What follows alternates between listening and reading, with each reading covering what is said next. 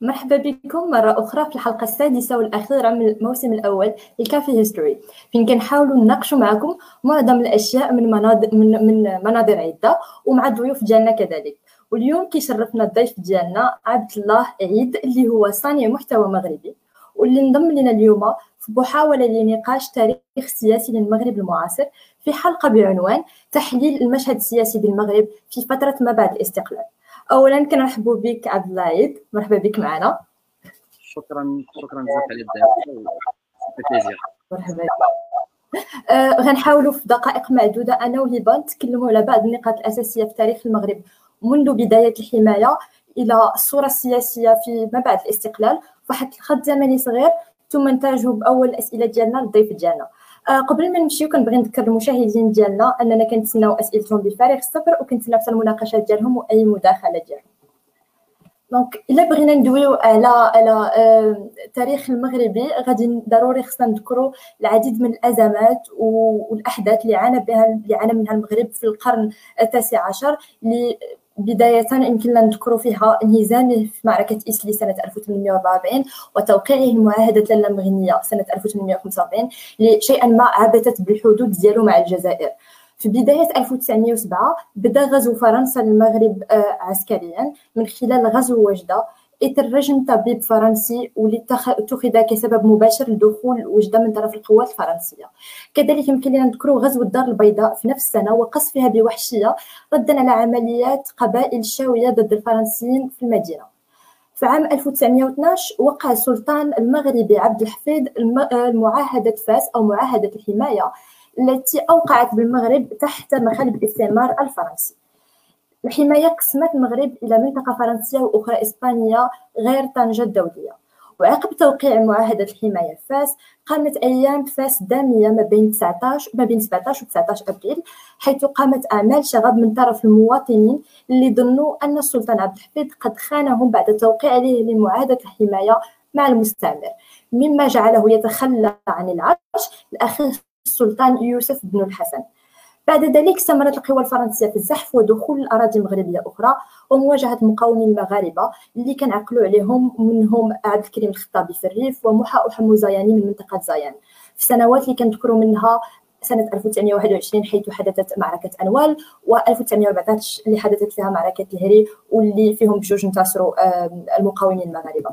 بدأت بدأت المقاومة السياسية في المغرب مع الحركة الوطنية وكتلة العمل الوطني خصوصا بعد تقديمهم لوثيقة مطالب الشعب المغربي سنة 1934 تم تقديم وثيقة الاستقلال في 1944 11 يناير. تم إنشاء حزب الاستقلال بعد ذلك ونفي السلطان محمد الخامس لمشاركته في النضال السياسي ضد الاستعمار وذلك في سنة 1953 مرجع السلطان من المنفى إلا بعد سنة سنة 1955 بعد سلسلة من الكفاحات من الوطنيين كيف ما ذكرنا في الحلقة المنصرمة.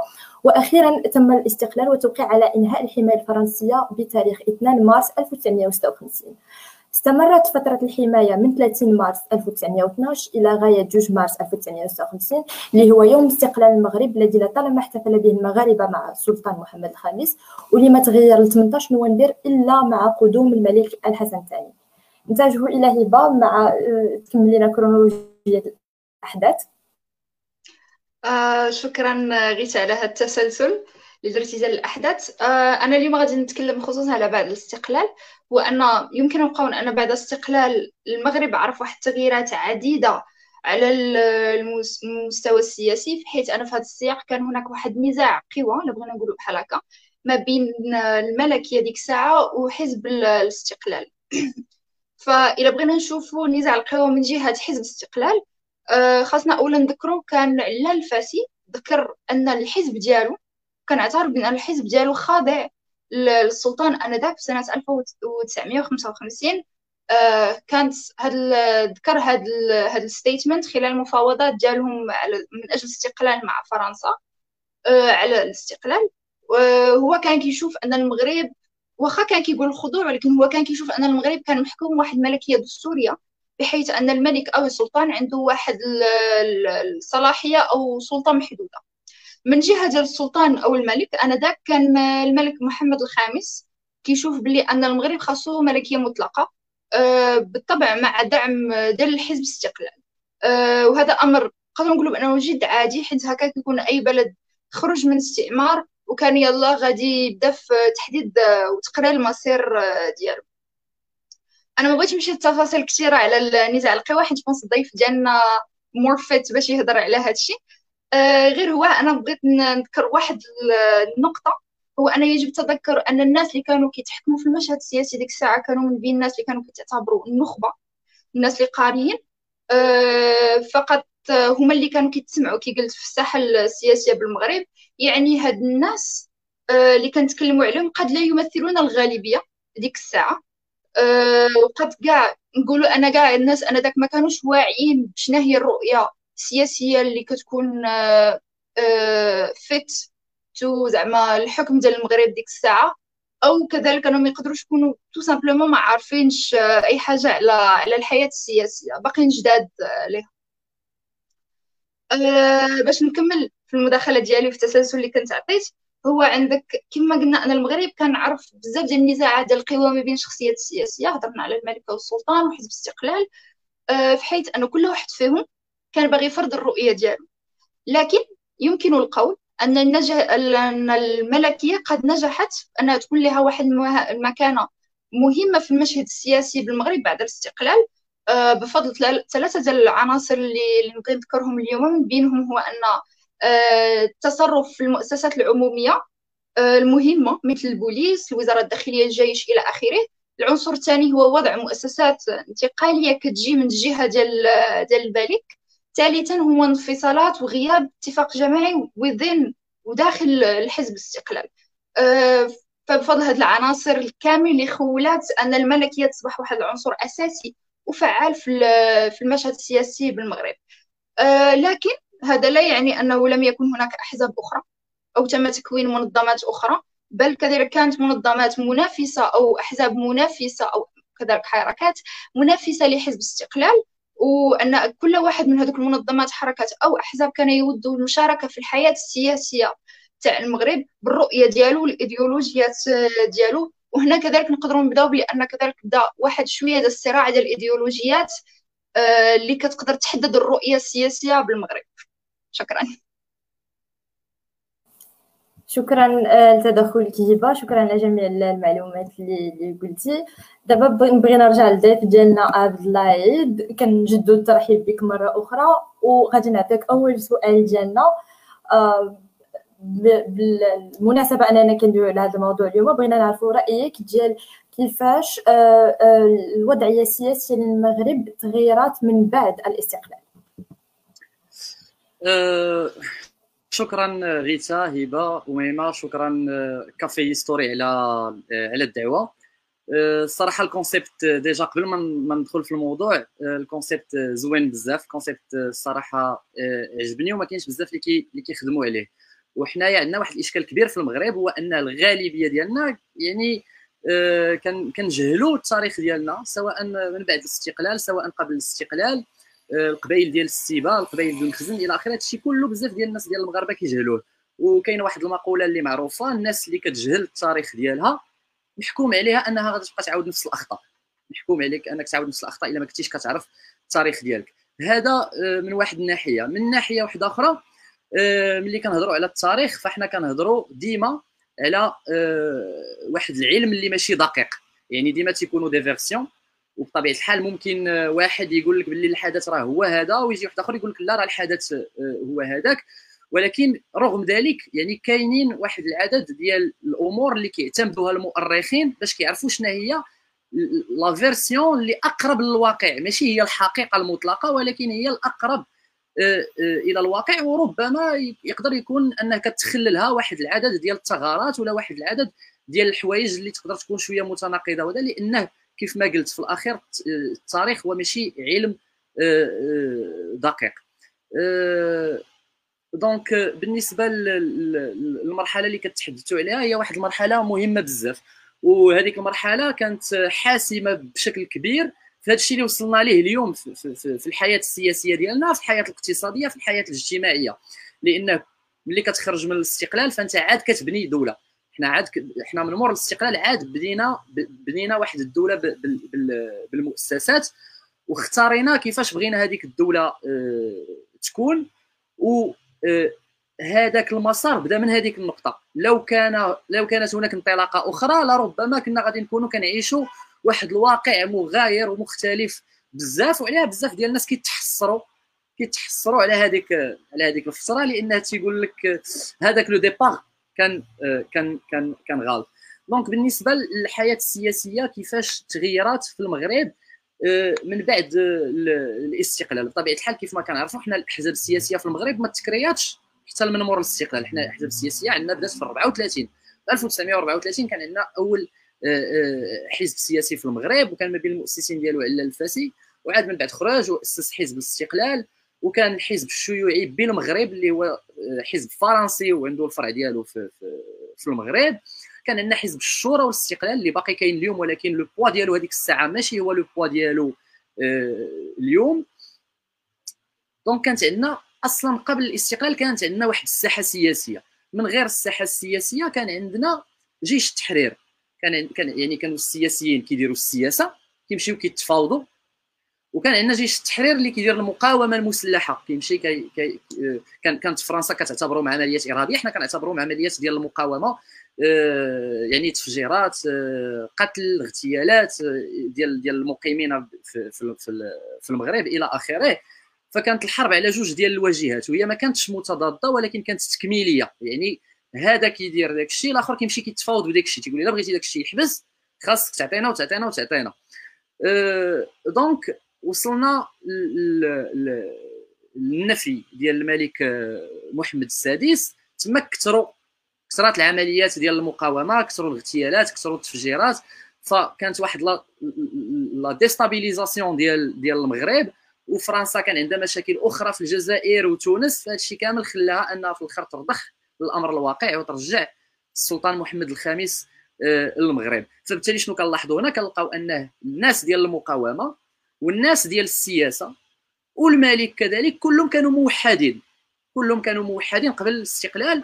علاش؟ لأن كان كلهم عندهم واحد آه، العدو واحد اللي هو آه، الاحتلال الفرنسي أو الحماية الفرنسية.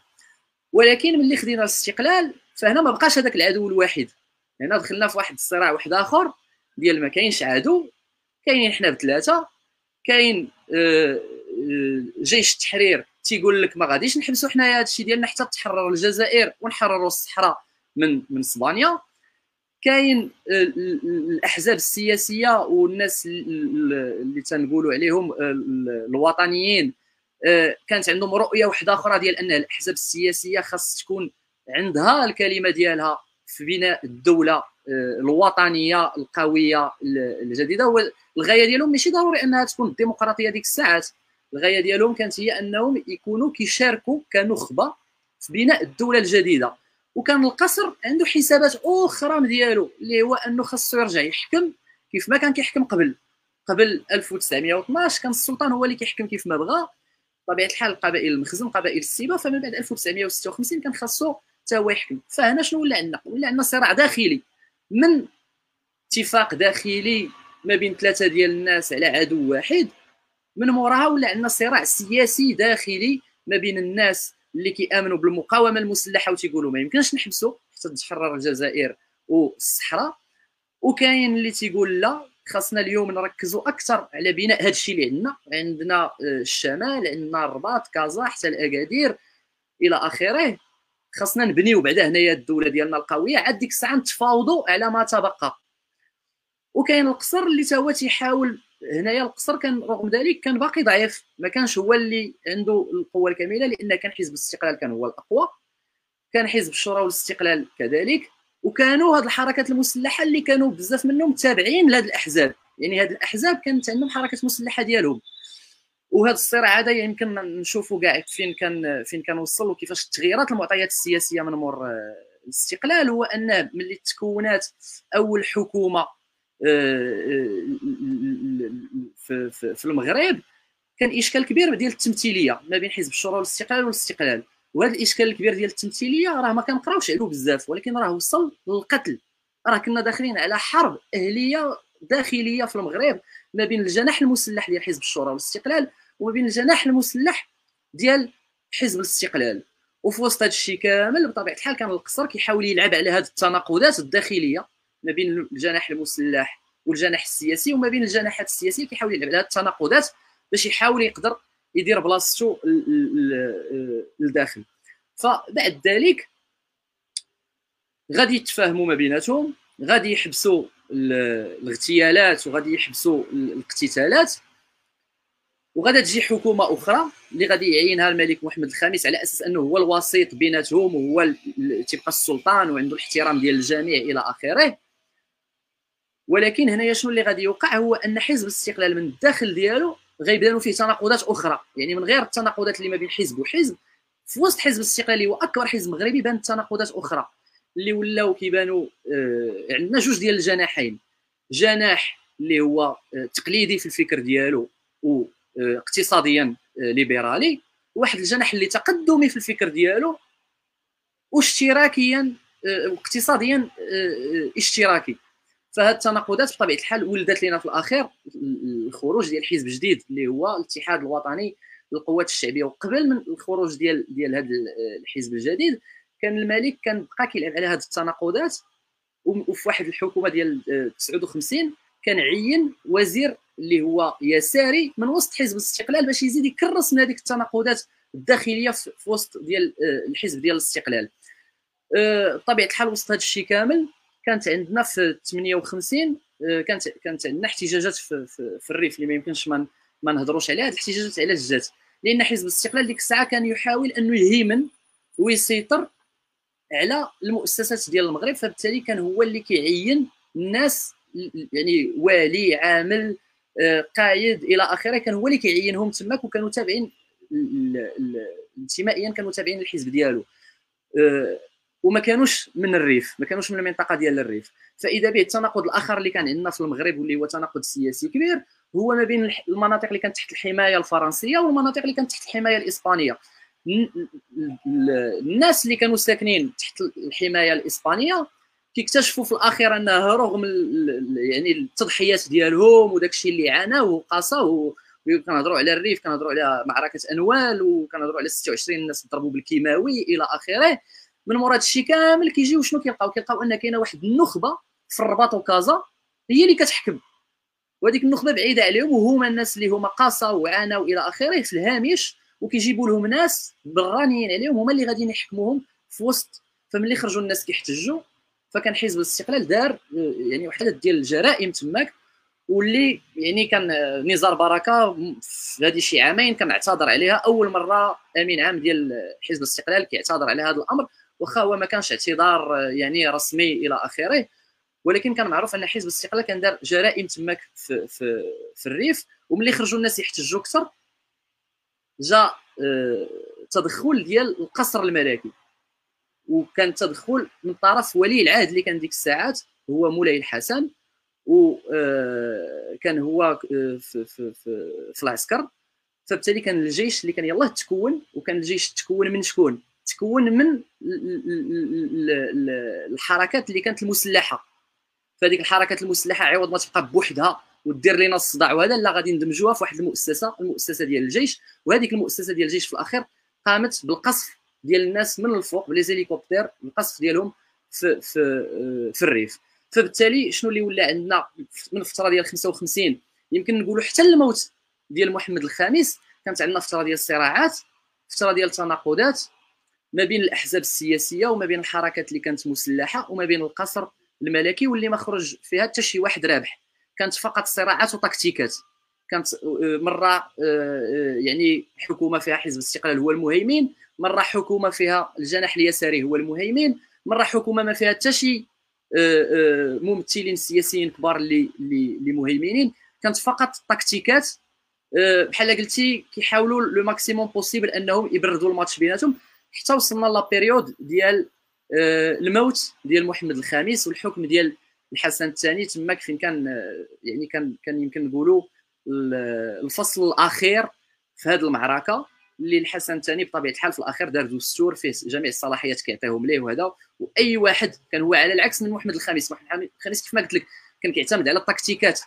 آه ما كانش كيحاول أنه يدخل في المعركة المواجهة والمباشرة مع هذوك الناس.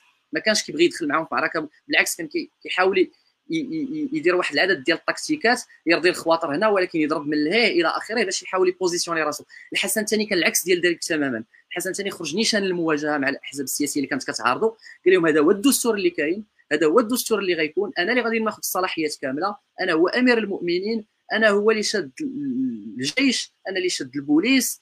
أنا اللي كنعين الحكومة اللي بغيت. كنعين الوزراء اللي بغيت. كل شيء هو أنا وأنا هو كل شيء واللي ما رضاش على داك الشيء بطبيعة الحال كانت يعني قصص أخرى ما عرفتش يمكن ندوزو لها في, في, في هذا. بحال لأن كيف ما قلت هذا بحر إلا دخلنا في, في, في الهضرة فيه غادي من الستينات حتى للسبعينات إلى آخره. وكانوا الأحزاب مثلا نعطي غير باش نختم كان مثلا حزب ديال الاتحاد الوطني للقوات الشعبية آه، اللي كان من أكبر المعارضين للدستور وكان رفض آه، أنه يصوت بنعم عليه عكس ديال حزب الاستقلال اللي كان صوت بنعم عليه. فحزب آه، حزب الاتحاد الوطني للقوات الشعبية كانت تشد منه تقريبا 3000 واحد. 3000 واحد تشد منه في 63 كلهم بتهمة أنهم باغيين يديروا انقلاب على على على الملك الحسن الثاني. وطبيعة الحال كاين اللي تعذب كاين اللي تقتل كاين اللي تختطف كاين اللي من اللي تشد ديك الوقيتة وما تعرفش آه، شنو وقع عليه. وكاين اللي تحكم عليه بالإعدام وفي الآخر ما تعدمش آه، وبقى بقى حي وخدا وخدا من بعد مراكز قرار التسعينات آه، شكرا عبد الله على المداخلة الشيقة الإجابة على هذا السؤال. نمشيو عند هبة للسؤال الثاني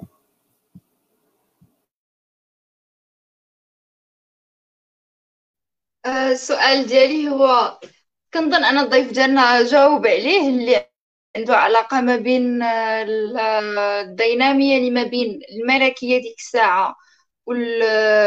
وال... والشعب ما بعد الاستقلال. خصوصا العلاقة ما بين الشعب والملك ديك الساعة حيث أن الملك كان كيتشاف ك كنقولوا اللي جاب استقلال المغرب كان كيتعتبر رمز ديك الساعة. لا كان ممكن آه، توضح لنا أكثر على هذا الأمر. آه، كاينين جوج ديال كاين جوج ديال الأمور. آه، كاين الفترة ديال ديال محمد الخامس وبطبيعه الحال محمد الخامس كيف ما كيتقال شافوه الناس في القمر. ولكن هذيك شافوه في القمر هذيك ماشي بصح هو كان في القمر ولكن هذيك تالمون الناس كانوا يعني معجبين به وكانوا كيحترموه ويمكن كاع كيقدسوه. وكاينين الفيديوهات حتى اليوم ديال ملي مات الناس كيعاودوا كيتلاحوا من ال deuxième وهذا أو كيبكيو إلى آخره. أه فالسلطان محمد الخامس كان عنده واحد الوضع أه جد مهم سواء عند الطبقة السياسية في المغرب أو عند الشعب المغربي. علاش؟ لأن محمد الخامس خاصنا نعرفوا l'histoire ديالو. محمد الخامس ما كانش تولد باش يكون ملك. ما ما, ما كان حتى شي واحد كيتخيل أنه غادي يكون آه، ما كنهضروش على ملك ديك الساعة ولكن حتى واحد ما كيتخيل أنه غيكون سلطان.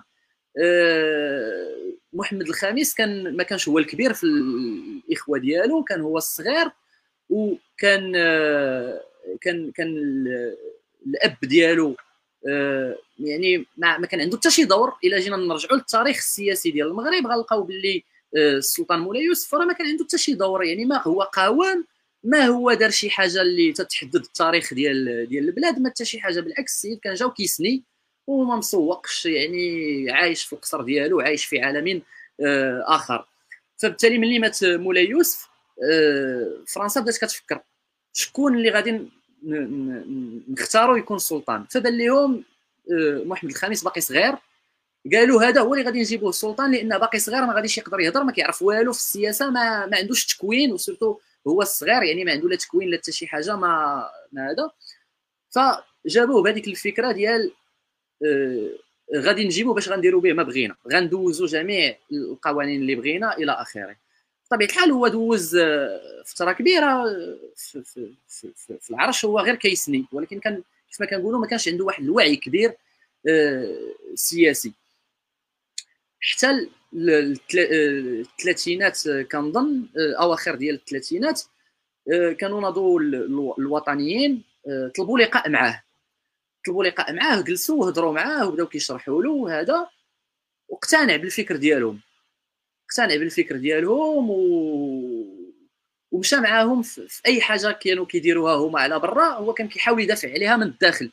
يعني ما بقاش واحد الملك اللي كيدير واحد يعني آه، ما, ما عنده حتى شي دور passif بل ولا عنده واحد الدور من داخل الحماية الفرنسية كيحاول أنه يجيب واحد العدد ديال المكتسبات. وبعض المرات كان كيرفض أنه يسني لأن حنا كيف ما قلنا حنا كنا تحت الحماية اللي كانت ضروري أي قانون خاصو يدوز خصو ضروري يكون مسني من طرف من طرف السلطان. إلا ما سناش على السلطان هذاك القانون راه ما كيدوزش. فبالتالي واحد الوقيته il a commencé à boycotter ما بقاش كيبغي يسني. ما بقاش كيبغي يسني ولا كيخدم أكثر مع الوطنيين كيخدم مع الأحزاب السياسية. أه، تحالف معاهم بواحد الطريقة أه، كبيرة. فهذا الشيء اللي خلى الشعبية ديالو تكبر بزاف وخلى الناس يحترموه أكثر. لدرجة أنه il a payé le prix وتنفى تحيد من تحيد من العرش ديالو وجابوا واحد بعيد عليه من العائلة اللي هو أه، بن عرفة. ومشى للمنفى ومشى للمنفى ودوز فيه سنين والناس عمرهم ما نساوه. عمرهم ما نساوه. كانوا كيطالبوا به هو اللي يرجع. علاش؟ لأنهم كانوا دايرين فيه الثقة هو اللي قادر أنه يعني يتفاهموا معاه لأن شنو تيبان لهم في الآخر؟ تيبان لهم إما ملك باسيف اللي ما غيدافع عليهم حتى حاجة وبالتالي غادي يقدروا يدخلوا في حرب مباشرة مع الحماية ومعاه. اللهم ملك اللي هو أكتيف وكيقدر أنه هو يغير الأمور من داخل آه، من داخل المنظومة ديال ديال ديال الحماية الفرنسية. آه، لدرجة انه في المفاوضات مع فرنسا كانوا كانوا في المفاوضات كانت فرنسا كتقترح أن ما يرجعش السلطان يعني تعطي الاستقلال للمغرب ولكن ما يكونش السلطان ولكن لا كان شرط من عند آه، جميع الأحزاب والسياسيين والوطنيين اللي كانوا ممثلين حتى حركات ديال المسلحة الحركات ديال المقاومة كلهم كان عندهم شرط واحد هو أنه يرجع إلى ما رجعش محمد الخامس ما كاين لا ما يمكنش نهضروا على الاستقلال إلى ما رجعش آه، محمد الخامس. فبالتالي ملي رجع هنا الشعبية ديالو بطبيعة الحال زادت تكبرات. الشعبية ديالو زادت تكبرات ولا كيبان بطل قومي ديال أنه كان في المنفى ديال أنه تنفى لأنه حارب ودار le maximum اللي يقدر عليه إلى آخره إلى آخره. فبالتالي ملي رجع أنا كيف ما قلت لك محمد الخامس ما كانش كيدخل في حرب مع مع الأحزاب. حتى هذاك الصراع اللي كان هو كان ديما كيحاول أنه يكون وسيط كان كي ولا كيحاول ي positionner بطبيعة الحال القصر وسط اللعبة ولكن كان كيحاول ي positionner ها بتكتيكات وكان كيحاول يحطها في اللعبة يعني عن طريق الوسط عن طريق إنه يعني يلعب le rôle de médiation ما بين هذوك اللي مضاربين وكذا. وبطبيعة الحال هو كان كيدير يعني le jeu des coulisses يعني يقدر يجلس يهضر مع هذا وهذا ويدير العكس ديالو تماما آه، من بعد. ولكن هذا صراع تكتيكي محض. فبالتالي محمد الخامس كان عزيز على الناس على هذا الشيء كله أه سواء الصراع ديالو أه في, في, الوقيته ديال الاحتلال الفرنسي الحمايه الفرنسيه أو كيفاش il a su gérer واحد la situation اللي كنا كان اللي كيف ما قلت لك كنا ممكن أننا ندخلوا في حرب أهلية حرب داخلية ما بين الجناحات المسلحة إلى آخره. فبالتالي le rôle ديالو il est très important في أننا دوزنا هذيك المرحلة بلا ما نفرقوا هذه البلاد الفتيتات أه الاشكال الآخر هو ملي غادي نهضروا على الحسن الثاني. الحسن الثاني العكس تماما. الحسن الثاني الناس ما كيشهدوش ليه زعما بشي دور كبير في في في الوقيته ديال ديال ديال ديال الاستعمار. بل العكس تماما. الحسن الثاني يعني كان il toujours en contact كانوا ديما عنده de bonnes relations مع مع مع مع مع فرنسا. لدرجة أن اليد اليمنى ديالو كان هو اوفقير اوفقير كان كيحارب مع مع مع مع, مع الجيش الفرنسي. فبالتالي آه، آه، ملي كنهضروا على الملك الحسن الثاني ديك الساعات en plus de ça كان كان باقي صغير. يعني ما يمكنش نهضروا على أنه حارب ولا دار ولا هذا. فبالتالي ما عندوش واحد ما عندوش واحد الإرث آه، الشرعي اللي اللي يسمح اللي يسمح ليه أنه نقولوا باللي il était populaire ولا كان محبوب عند الناس ولا هذا. والاكثر من ذلك أنه ملي خدا الحكم خداه هو عنده إرث négatif لأن داك الشيء اللي وقع في 58 في الريف كيتحمل فيه المسؤولية. اولا وقبل كل شيء في 59 ملي آه تم الانقلاب على على على على على الوزير ديال الاستقلال اللي كان دخل فيها يساريه آه عبد الله إبراهيم. ملي تم الانقلاب عليه راه la version اللي كت نرجعوا للتاريخ كاين بزاف ديال versions ولكن la version الأقرب للواقع هي أن الحسن الثاني هو اللي قاد هذاك هذاك الانقلاب الأبيض اللي دار. أه فبالتالي عنده واحد الإرث سلبي وملي جا الحكم ف يعني كان يمكن نقولوا أه يمكن نقولوا بحال هكا دخل سخون ولكن هو خصو يقاد الأسس ديال ديال العرش ديالو. باش يقاد الأسس ديال العرش ديالو دار دستور على المقاس ما دخلش فيه الأحزاب السياسية ما عطاهم حتى شي حاجة في, في, في الصلاحيات ولا في السلطات. يعني هو الوحيد اللي كاين هو الوحيد اللي غادي يحكم. ورجعنا للمنطق ديال السلطان قبل 1912 هو اللي كيدير كلشي هو اللي كيقرر كيف ما بغى في حين أنه la maturité اللي وصلت ليها l'élite politique ديك الساعات في المغرب كانت كتسمح لنا نمشيو في اتجاه واحد آخر. ربما الدستور 2011 كان بإمكاننا on pouvait se permettre اننا نستعملوه في هذيك الوقيتة ديال ديال ديال ديال ديال 62 فبالتالي هذا الشيء خلى أن الحسن الثاني في العلاقة ديالو سواء مع ال ال سواء مع ال الأحزاب السياسية أو مع الشعب المغربي ما كانتش هي علاقة ديال حب بقدر ما هي كانت واحد العلاقة ديال الخوف. لأن الحسن الثاني كان كان كيف ما قلت كان كيخرج للمواجهة. ما, ما نقدر نعطي مثال ديال 1900 شنو طرا في 1965 1965 طراو ثلاثة ديال الأحداث اللي خطيرة بزاف. وكنهضروا حنايا ديك الساعات. الحسن ثاني يلاه كمل ثلاث سنين ديال الحكم. وطراو ثلاثة ديال الأحداث كبار اللي خطيرين بزاف. ما يمكنش نتصوروهم. مثلا يطراو في المغرب اليوم. اولا الإعلان ديال حالة الاستثناء. حيد البرلمان ما كاينش برلمان. سالا سالا سالا البرلمان. أه يعني حتى داك الشويه ماشي ماشي ديال الديمقراطية ولكن حتى داك الشويه داك لو مينيموم اللي يمكن نهضروا عليه ما كاينش. ثاني حاجة كاين الاحتجاجات ديال التلاميذ. كانوا التلاميذ خرجوا في 23 مارس يحتجوا على واحد القرار ديال وزير التعليم اللي كان كيمنع أن أي واحد عنده 14 عام أنه يكون في الابتدائي. هو قرار يمكن نقولوا دابا آه عادي واحد عنده 14 عام غيدير في الابتدائي ولكن ديك الساعات في 65 راه الناس أصلا ما كانوش كيدخلوا على 6 سنين الناس راه كانوا كيدخلوا على 8 سنين على 9 سنين على 10 سنين راه يلاه يلاه كيتبناو المدارس. donc راه كاين اللي كيدخل على 9 سنين على 10 سنين 14 عام كتقولوا لا ما خصكش تكون في الابتدائي ما يمكنش. تنضت موجة ديال الاحتجاجات اللي كانوا فيها تلاميذ وتنهضروا على تلاميذ كنأكد على تلاميذ. تلاميذ تقتلوا الجيش هبط كيقتل الناس كيضرب بالرصاص.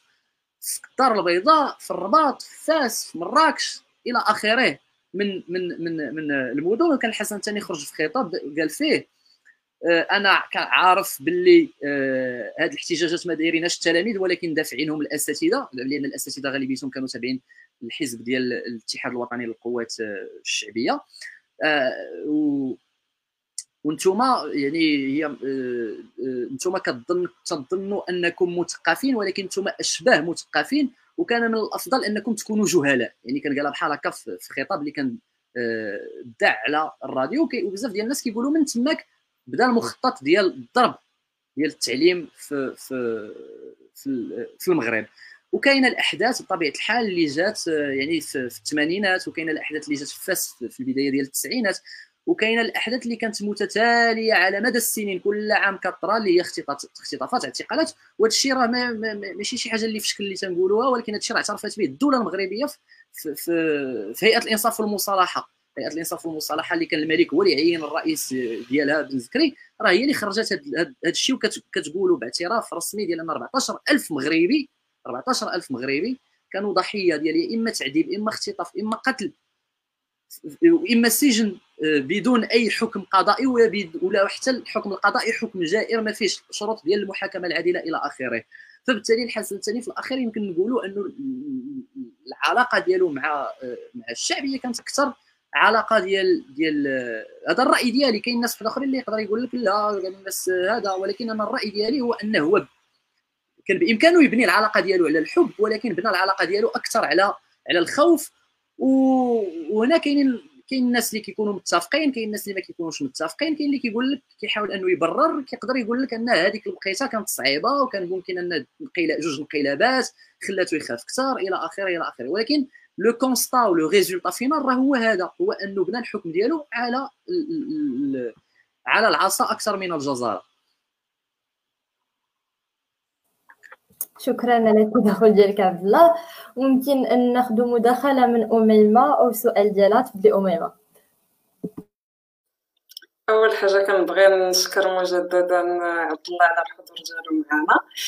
آه، الملاحظة الأولى اللي درتها واللي بصراحه عجبتني عجبني كيفاش كت تحلل بهذاك المنطق ديال الصراعات والتناقضات وغادي هذاك الشيء القدام والأحداث كتوالى. غير هي إلا كان ممكن بعد قبل ما نطرح السؤال ديالي آه غادي نرجع لشي نقاط تذكرهم عبد الله وبغيت نتفاعل معاهم. هي منين تكلم على مثلا الشعبية ديال محمد الخامس واحد المرحلة. آه أنا كنظن باللي داك الشيء ما عنده آه ما عندوش غير علاقة بالطريقة ديال الحكم ديالو اللي كان فيها كي كيوظف الدبلوماسية أكثر وإنما عندها علاقة حتى بالمرحلة اللي هو فيها. لحيتاش انت كتعاقد مع واحد طرف خارجي على أساس أنه غادي يدخل غادي يدير لك حماية بصيفتك عندك آه عندك مناطق في الدولة اللي انت كتحكمها. آه وحدة فيها عندك على واحد السلطة مركزية مباشرة ولكن في نفس الوقت عندك وحدين اللي كتعتبرهم سايبين واللي ما قادرش يحكمهم واللي اللي اللي, اللي كيحكم فيهم أكثر الأعراف ديالهم و... و... وعندهم داك النظام القبلي ديالهم. اللي اللي كيعتمدوه آه، كتلقى راسك باللي دزتي من هذيك المرحلة لواحد المرحلة اللي واخا كتسمى داكشي حماية ولكن لا راه ولا استعمار. يعني بالمنطق ديال التحالفات وبالمنطق ديال ديال موازين القوى من الطبيعي جدا أنك غادي تمشي غادي تقلب على واحد الحليف ديالك. شكون الحليف اللي عندك هذيك الساعة؟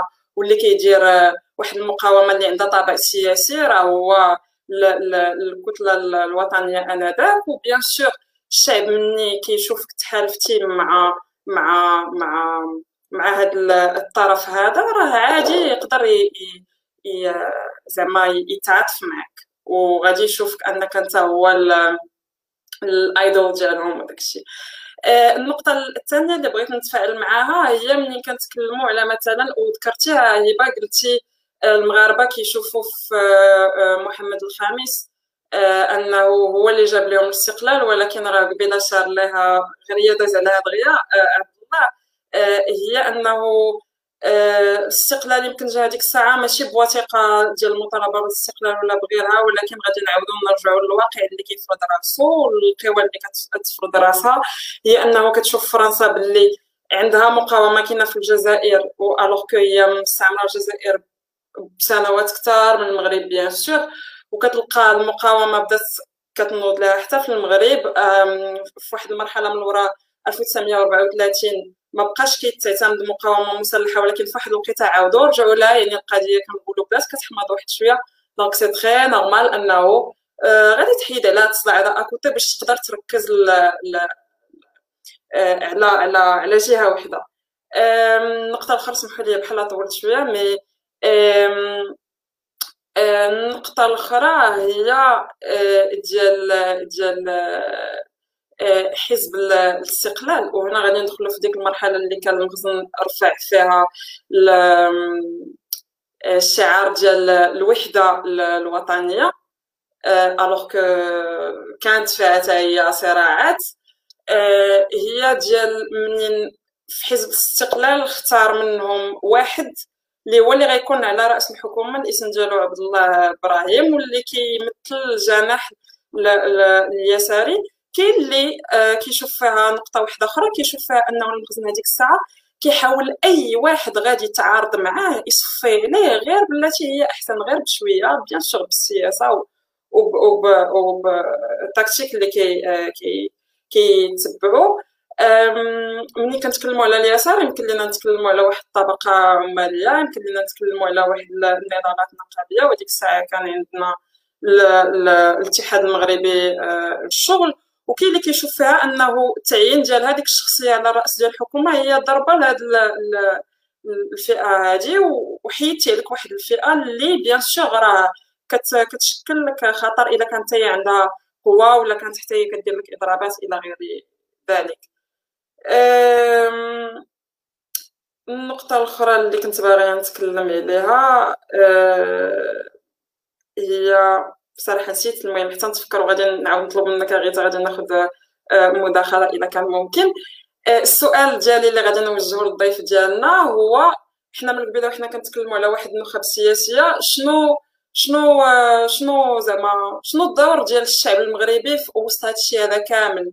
شنو فين كيتموقع هو وسط هادشي هذا كامل؟ آه، أحزاب يمكن كتمثل لنا واحد الفئة معينة آه، عندنا القصر الملكي هو كل كل واحد كل فئة من وسط المغاربة عندها عندها واحد المكون سياسي اللي كيمثلها. ما عرفتش كيفاش غنوصل ما عرفتش جيسبر تكون وصلتك الفكرة. ولكن الأغلبية ديال الشعب وسط هاد الصراعات هادي كاملة فين هو؟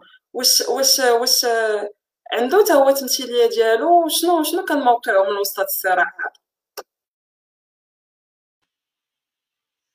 شكرا أميمة على التدخل ديالك. déjà في التدخل ديالك فكرتيني يعني ما ذكرتش l'événement الثالث في ال 65 اللي كان من غير آه، حاله الاستثناء و و 23 مارس 1965 كاين حتى الثالثه اللي ما هضرتش عليها هي الاختطاف ديال المهدي بن بركة اللي يعني معروفة بزاف مازال حتى دابا ما معروفش فين كاين le corps ديالو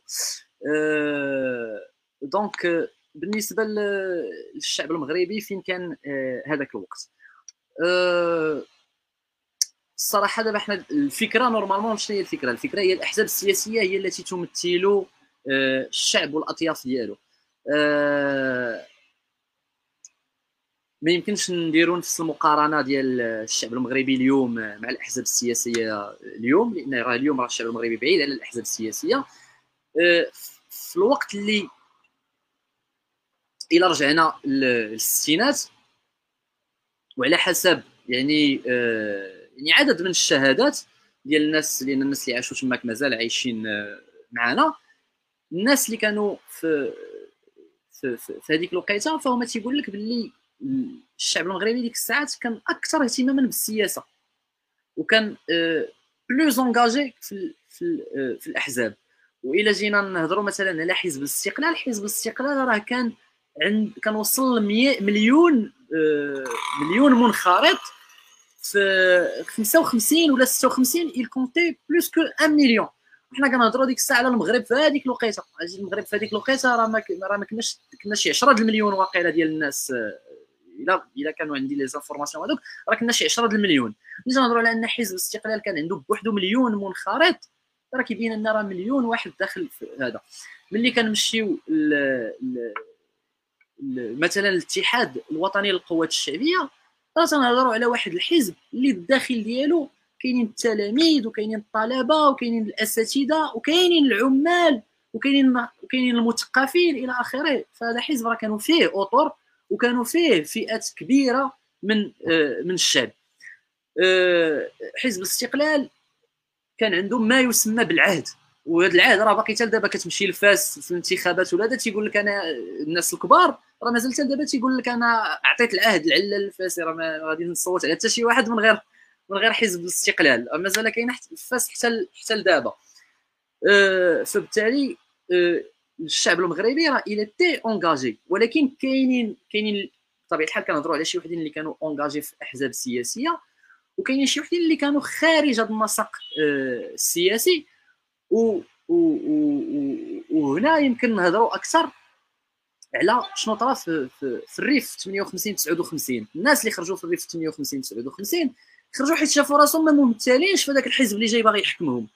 هذاك الحزب جاي باغي يحكمهم هذاك حزب الاستقلال هذاك جاي من فاس وعنده الناس في الرباط وكازا وعنده في أكادير ومراكش ولكن راه ما عندوش في الريف راه ما كانش كيخدم ما كانش كيخدم في المنطقة اللي كانت فيها الحماية الإسبانية بحال اللي كان كيخدم في المنطقة اللي فيها الحماية الفرنسية فبالتالي هو ليس مؤهلا أنه يعرف المشاكل اللي عندي.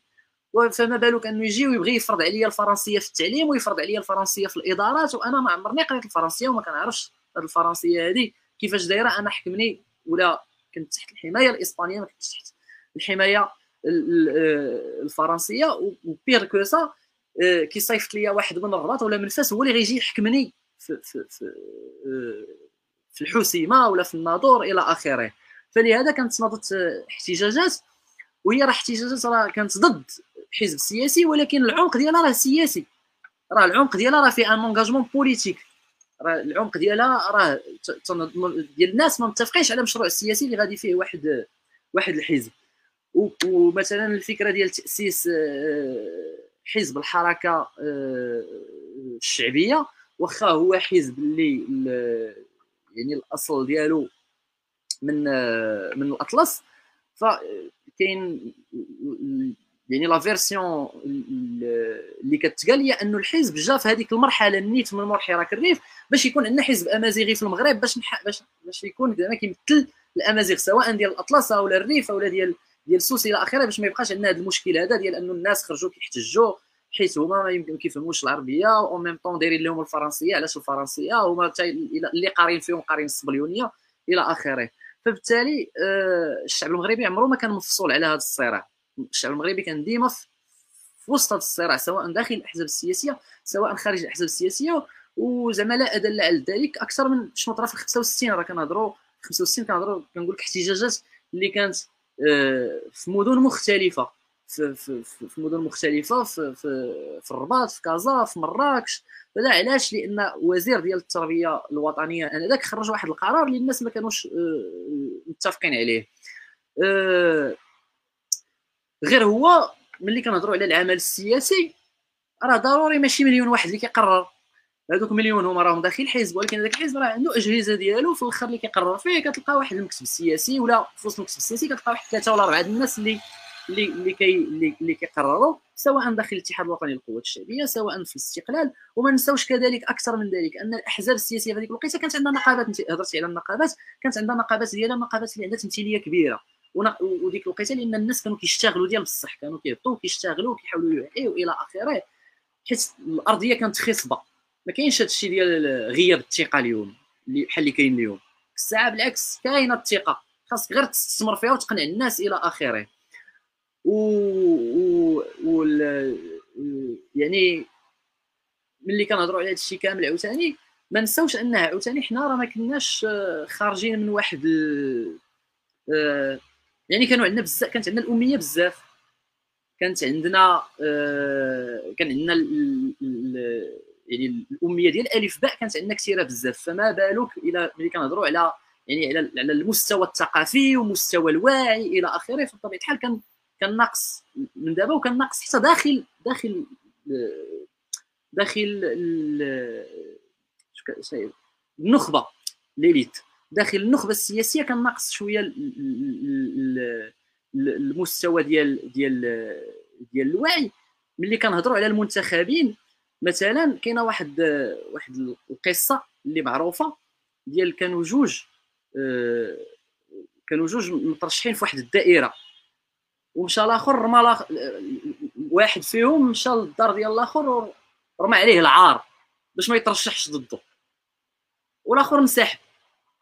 انسحب حيت الآخر رمى عليه العار وهذا هي الفكرة اللي كاينة إلى اخره إلى اخره أه فبالتالي ملي كنهضروا يعني على على على الشعب يعني ما كنهضروش على كشي حاجة اللي مفصوله على الاحزاب السياسيه بالعكس كنهضروا على شي حاجة اللي في العمق ديال الصراع السياسي اللي كان في هذيك الوقيته لأن ملي كنهضروا على 14000 واحد مثلا اللي كانوا ضحايا ديال الانتهاكات راه 14000 واحد راه يعني راه c'est énorme comme comme nombre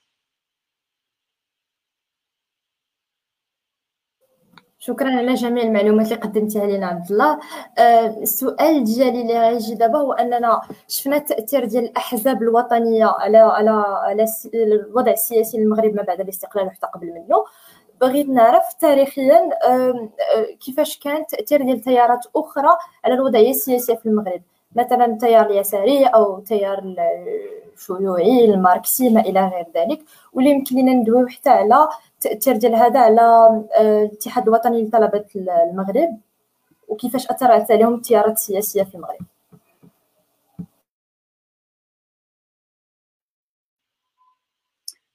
أه، فبطبيعه الحال من مور أه، من مور الاستقلال كيف ما قلت قبل الاستقلال ما كانتش حرب ديال الإيديولوجيا ولا حرب ديال المشاريع.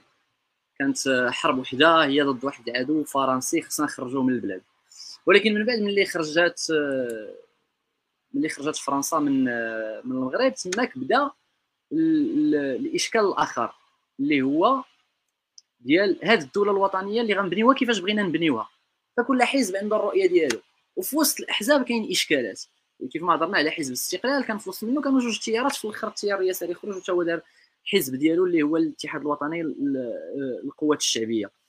آه، فبالتالي الفكر اللي كان آنذاك كانوا يعني ما كانوش بزاف ديال الإيديولوجيات كانوا كانوا جوج ديال الإيديولوجيات اللي واضحين.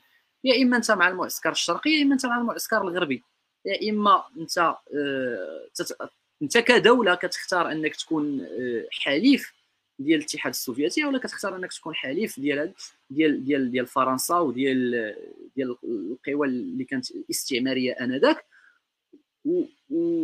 وفي وسط هادشي كامل آه، كانت هناك دول عدم الانحياز اللي هي في الغالبية ديالها ما كانتش هي ديال عدم الانحياز راه كانت غير في دول ديال عدم الانحياز ولكن في الداخل ديالها راه كان كانوا كانوا يعني عندهم تحالفات مع آه هذه القوى العظمى سواء مع في المعسكر الشرقي أو المعسكر الغربي هذا التأثير هذا كان عندنا في المغرب كان عنده انعكاس آه في المغرب على الأحزاب السياسية ديالنا. آه كان عنده انعكاس اولا. بطبيعة الحال على القصر الملكي اللي كان اختار أنه غادي يتحالف مع آه، فرنسا والولايات المتحدة الأمريكية. وكاين الأحزاب السياسية. كاين الأحزاب السياسية مثلا حزب الاستقلال كان عنده واحد المشروع واحد آخر اللي هو مشروع ديال أننا غادي آه، نمشيو في هادشي ديال الليبرالية إلى آخره ولكن اللي غيكون مبني على البرجوازية الوطنية. يعني ما يكونش مبني على الريع ما يكونش مبني على الفساد ما يكونش مبني على لا كوربسيون إلى آخره. لا تكون عندنا واحد البرجوازية وطنية اللي عندها فلوس قادره تستثمر إلى غيسك الاستثمارات ديالها باش كتخلق لنا مناصب إلى آخره إلى آخره. حزب الاتحاد الوطني للقوات الشعبية كان العكس ديال ذلك تماما كان هو واحد الحزب اللي كيآمن بان خاص تكون عندنا الاشتراكية في المغرب أن جميع الأراضي خاصها تكون مامه خاصها تكون ديال الدولة التعليم خاصو يكون ديال الدولة الصحة ديال الدولة آه، الاقتصاد كله خاصو يكون ديال الدولة ما كاينش آه، يعني لو بريفي ما خاصوش ما خاصوش يكون. الأراضي اللي مازال شادينها الفرنساويين خاصنا نحيدوها لهم وخاصنا ناخذوها ونديروا لها التأميم. المخططات الزراعية إلى آخره إلى آخره. فبالتالي كل حزب كان عنده واحد التوجه ديالو. ولكن كان في وسط هادشي هذا كان واحد التحالفات. مثلا الاتحاد الوطني للقوات الشعبية كان متحالف كان متحالف مع حزب الاستقلال. واخا حزب الاستقلال صوت بناء عام للدستور. الاتحاد الوطني للقوات الشعبية رافض الدستور. ولكن في الانتخابات كانوا كيمشيو ensemble وكيدخلوا للبرلمان ensemble وهادشي اللي خلى المستشار آه، ديال ديال الملك انه يأسس آه، يعني ال FDIC Front pour la défense des institutions démocratiques constitutionnelles هي هذيك FDIC constitutionnelles donc هذا ال FDIC هذا جا باش يواجه هذا التحالف اللي كان ما بين حزب ديال الاتحاد الوطني للقوات الشعبية وحزب الاستقلال. الناس غيقولوا كيفاش هذا الحزب عندهم مشروع والاخر عندهم مشروع مختلف عليه ومتحالفين بيناتهم. فسهله أه déjà هما بجوج راه عندهم واحد الماضي مشترك. هما بجوجهم راهم ناضلوا وجراو على الاستعمار إلى آخره. اليوم كيف ما كان عندهم ماضي في الماضي كان عندهم عدو مشترك اللي هو آه، الاستعمار الفرنسي اليوم عندهم عدو مشترك اللي هو السلطويه اللي هو أنهم بجوجهم تيشوفوا راسهم مهمشين في العملية الديمقراطية ولا في العملية ديال ديال الحكم في المغرب. بالتالي التحالف هنا بالنسبة لهم واجب. ومن غير هذا الشيء ملي كنهضروا على اليسار وكان كان كان كان كنرجعوا للأبجدية ديال اليسار كاينة الفكرة ديال أنه آه، ملي كتكون قدامنا واحد السلطويه اللي مبنية على الريع إلى آخره وكاين كاينة البرجوازية الوطنية فما كاين ما كيخاش يكون عندنا مشكل كاشتراكيين أننا نتحالفوا مع البرجوازيه الوطنية باش نواجهوا هذيك السلطويه وديك الساعات عاد نقدروا نتواجهوا مع البرجوازيه الوطنية ونطبقوا المشروع ديالنا. فهذا الشيء علاش كان الاتحاد الوطني للقوات الشعبية كان متحالف مع آه، مع مع الاستقلال. هو ماشي تحالف ديال المشروع آه، يعني اقتصادي واجتماعي ولكن هو تحالف سياسي بدرجة أولى ضد واحد العدو مشترك. بالنسبة للاتحاد الوطني لطلبه المغرب UNEM فهي كانت منظمة يسارية بامتياز. آه علاش؟ لأن هنا كنرجعوا للاتحاد الوطني للقوات الشعبية. الاتحاد الوطني للقوات الشعبية كان هو اللي قدر أنه يس... القادر أنه يستقطب الطلبة. وهنا كاينين بزاف ديال les facteurs اللي كيهضروا على هذا الأمر هذا. و يعني ما بيناتهم هو أن الطلبة كانوا بزاف منهم متأثرين بالفكر اليساري. فبالتالي ملي كيجيو للساحة ملي كيجيو للساحة surtout كانت كانت عندنا في المغرب كانت كتقرا الفلسفة السوسيولوجيا كتقرا بالأسس آه، ديالها آه، فكانوا الناس كيتأثروا بزاف بالفكر اليساري وخصوصا العلاقة اللي عندنا مع آه، مع فرنسا وفرنسا كانوا فيها الاحتجاجات ديال ديال ديال ماي 68 je pense donc كان واحد التاثر كبير عند الطلبه المغاربه بالفكر اليساري. ملي كيجيو يشوفوا في الساحة السياسية كيبان لهم الاتحاد الوطني لطلبه المغرب. فبالتالي وسط أوطم داروا فصائل اللي هي تابعة للاتحاد الوطني لطلبه المغرب وكانوا يساريين اللي هما أكثر راديكاليا أكثر راديكالية من الاتحاد الوطني لطلبه المغرب. واللي كانوا كيآمنوا ب... ب... يعني كانوا كيآمنوا بأنهم من حقهم أنهم خصهم يديروا في الظروف اللي عايشينها وهذا. من حقهم أنهم يديروا انقلاب من حقهم انهم. آه، أنهم يديروا الثورة من حقهم أنهم يحيدوا الملكية إلى آخره. يعني ما كانش غير الاتحاد الوطني للقوات الشعبية في وسط أوتيم ولكن كانت يعني آه، فصائل أخرى اللي أكثر آه، راديكالية. ونعطي غير مثال في هذا الشيء ديال أوتيم. في, في, في أوتيم اللي ما كيعرفوش يمكن بزاف ديال الناس هو أن الحسن الثاني ملي كان ولي العهد. ملي كان ولي العهد راه كان رئيس فخري. ديال الاتحاد الوطني لطلبة المغرب. كان رئيس فخري ديال الاتحاد الوطني لطلبة المغرب وملي ولا ملك ودار داك الدستور خرجوا قرار ديال إنه كيسحبوا ليه ديك الرئاسة الفخرية ديالو ديال الاتحاد الوطني لطلبة المغرب. وتماك فين بدات المواجهة؟ ما بين أوتيل وما بين آه، الملك الحسن الثاني واللي سالت بقرار ديال الحل في السبعينات وعاودت رجعات وعاود قرار ديال الحل اللي كان هو الأخير في أواخر السبعينات أو بداية الثمانينيات إلى إلى ما خانتنيش الذاكرة. ومن تماك أوتيل مجرد يعني آه، فصائل وليست منظمة يعني اللي اللي فيها المكتب ديالها وداخلين فيها كاملين إلى اخره إلى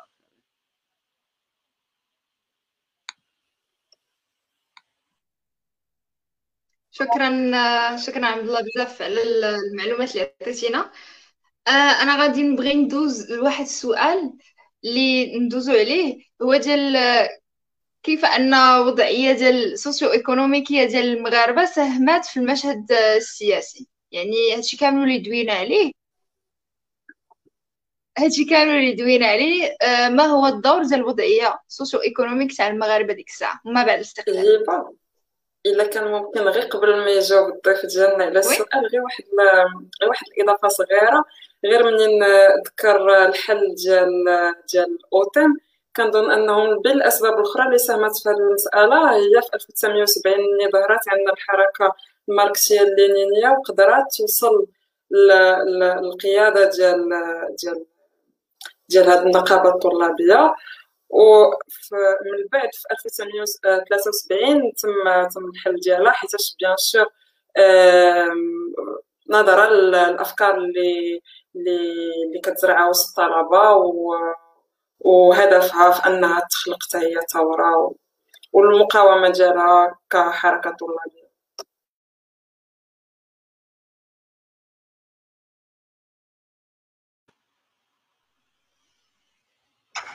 أه بطبيعة الحال أوتيم الإشكال آه، اللي كانت كدير هو من غير أنه إشكال فكري يعني لأنها كانت كانت كانت, كانت الفضاء حر ديال ديال الأفكار وواحد الفضاء ديال ديال ديال كذلك يعني النضال و ديال المقاومه ديال الاستبداد اللي كان طاغي بزاف هذيك الساعات. فأوطم كانت كتساهم بزاف في الإيقاف ديال الدراسة. كانوا كيداروا بزاف ديال الإضرابات. كيساليو من المدرسة كيمشيو لمدرسة واحدة أخرى. كيتفكوا مع هذيك المدرسة كيلقاو مدرسة أخرى حتى هي بدات. لدرجة ان كاينة بزاف ديال المدارس اللي كانوا حولوا لها le statut ديالها. ردوه statut آه، عسكري غير باش ما يبقاوش يداروا فيها الإضرابات وأهمها هي المدرسة المحمدية اللي كاينة في آه، اكدال ديال les ingénieurs. هذيك كانت واحد البلاصة اللي كانوا فيها مناضلين ديال ديال أوطم و وكانت معقل ديال ديال ديال أوطم والإضرابات وكانت في الصلب ديال المعركة السياسية اللي كانت ديك الساعات. ف عياو ما يفكروا في الأخر ما لقاو حتى شي حل من غير أنهم يديروا لهم النظام يعني النظام العسكري.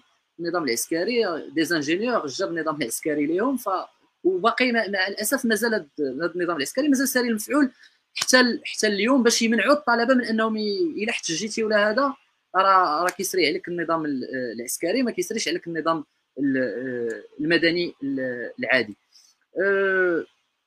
بالنسبة للوضعيه الاجتماعية والاقتصادية اللي كانت أه، عند المغاربة هذيك الساعات فيمكن نرجعوا لواحد الفيديو ديال أه، واحد الانترفيو يعني اللي كانت دارتو كانت دارتو قناة فرنسية في الثمانينات كنظن مع جوج ديال القيادات ديال الاتحاد الوطني القوات الشعبية آنذاك. ديك الساعة كان ولا سميتو الاتحاد الاشتراكي للقوات الشعبية. ف وهما كيهضروا على la situation économique في هذيك الوقيته. يعني داك الشيء راه c'est en noir blanc هذا.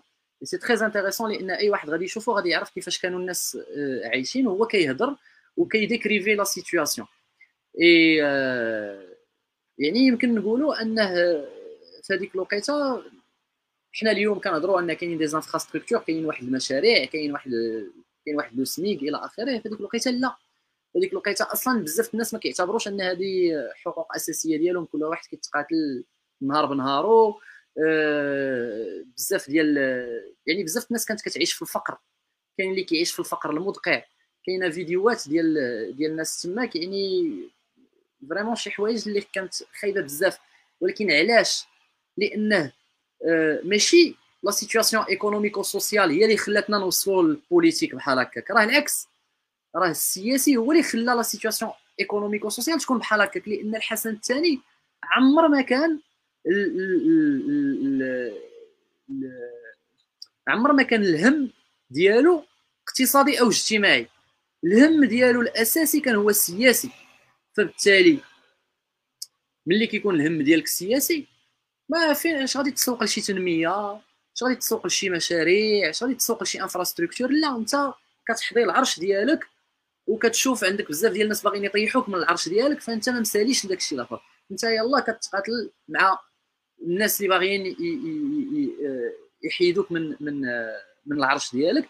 فبالتالي الحسن ثاني عمره ما عطاه اهتمام للجانب الاقتصادي والاجتماعي وهو الشيء اللي دخلنا في في في, في يعني في دوامة ديال ديال ديال الديون اللي بدات في الثمانينات. وبدات كتفرض علينا واحد الاصلاحات اللي خصنا نديروها في التعليم وفي الصحة. وبدا دوك الاصلاحات اللي داروا بطبيعة الحال لأن هي اصلاحات اللي المغرب كيقول دارها ولكن في الواقع الواقع كلشي كيعرف أنه آه عندنا مشكل كبير ديال الريع ديال ديال لا كوربسيون ديال ديال الفساد إلى آخره. فهاد الشيء كيخلي أن جميع ديك الاصلاحات عمرها ما كتطبق. عمرها ما كتطبق. donc في التسعينات عاودنا دخلنا في d'autres crédits وفي 97 راه كان خرج الحسن الثاني وقال لهم زعما حنايا راه au bord de la crise d'une crise cardiaque l'économie ديالنا. علاش؟ لأنه طيله هذيك السنين الحسن الثاني لم يولي اهتماما لما هو اقتصادي. إمتاش إمتاش شنو هي المرحلة اللي كان عطى فيها واحد الاهتمام كبير لما هو اقتصادي واجتماعي؟ هي هي الفترة ديال مور الانقلابات العسكرية. وكاين واحد الكتاب اللي كيشرح هذا الشيء آه، مزيان. فلاح المدافع عن العرش كيشرح كيفاش أن الحسن الثاني أول مرة من مور يعني من مور شحال من عام؟ من مور 10 سنين ديال الحكم ديالو. أول مرة فكر في ما هو اقتصادي واجتماعي. علاش فكر في ما هو اقتصادي واجتماعي؟ لأن ملي دار الانقلاب ديال 71 وملي دار الانقلاب ديال 72 وهو آه، خرج حي لاحظ أن الناس ما خرجوش فرحانين لأنه لأنه حي. ما خرجوش الناس آه، في الزناقي يغوتوا آه، راه الانقلاب فشل. وما خرجوش الناس للزناقي باش يحاولوا يحبسوا زعما هذوك الناس اللي باغيين يديروا ذاك الانقلاب ولا هذا. فبالتالي كيقول باللي كنبقى فيه الحال بزاف علاش الناس ما ما ما ما تسوقوش لأنه نجا من واحد الانقلاب إلى آخره. فشنو مشى دار؟ هي فين أول مرة غيرجع المقترحات اللي كانوا داروها الاتحاد الوطني للقوات الشعبية اللي كانوا ديما كيدافعوا عليها وهي أول مرة غادي يعاود يرجع لواحد المخططات اللي كان عبد الله إبراهيم كان باغي يديرها وما, صدقش له أنه يديرها لأن ما كملش الولاية ديالو كاملة ودار عليه انقلاب. آه ما بينها كاين التأميم ديال ديال الأراضي وكاين المخطط المخطط الزراعي. وكان دار هاد هاد هاد الجوج ديال الحوايج إضافة للتأميم ديال الشركات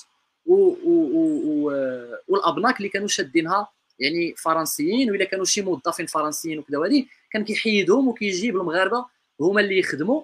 الأراضي اللي شادينها فرنسيين عطاها المغاربة.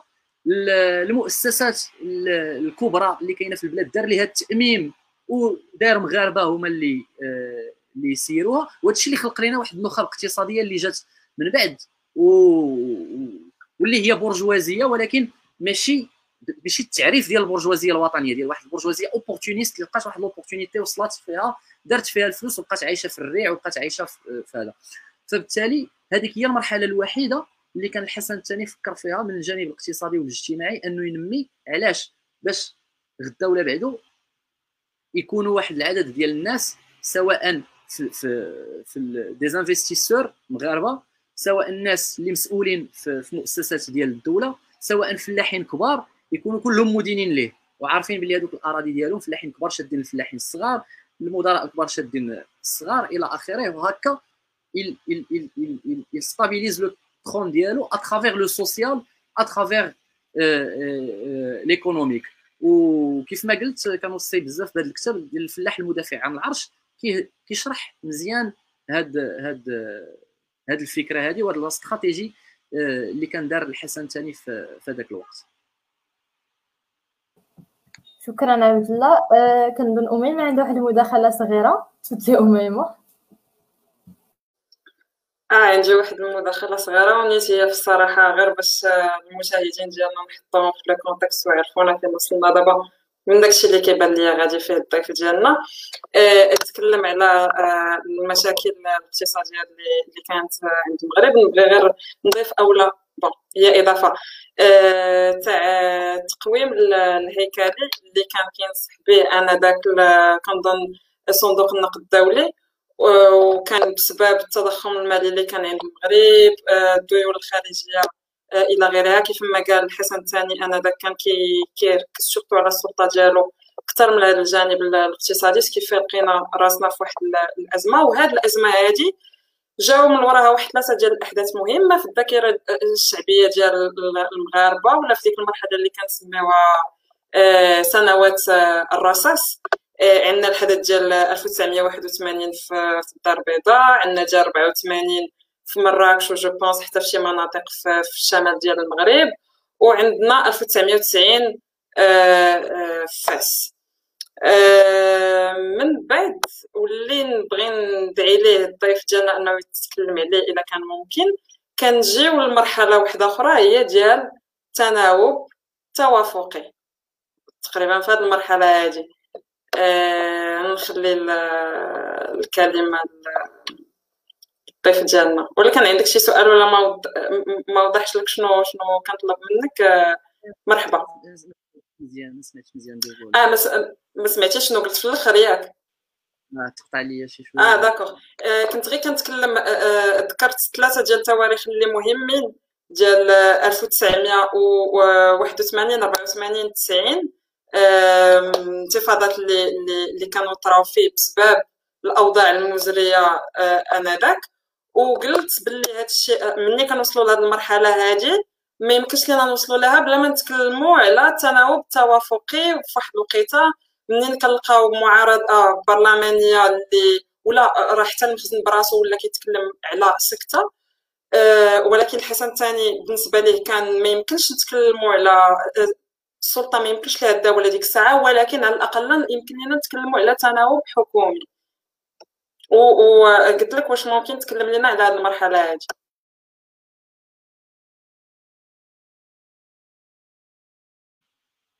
شكرا. منين كنلقاو معارضة برلمان.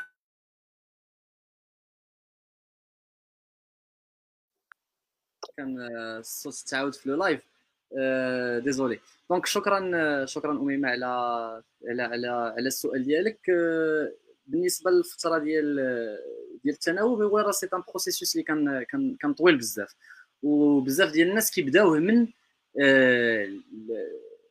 من المراجعات الفكرية اللي كان دار الاتحاد الوطني للقوات الشعبية براسو لأن الاتحاد الوطني للقوات الشعبية كان عنده واحد واحد الكتاب اللي هو الخيار الثوري ديال المهدي بن بركة.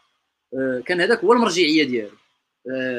راه كيتباع يعني أي واحد من المتابعين اذا بغى يعرف المرجعية ديال ديال المهدي بن بركة ديال ديال الاتحاد الوطني للقوات الشعبية كان هو الخيار الثوري. من بعد في السبعينات في البداية ديال السبعينات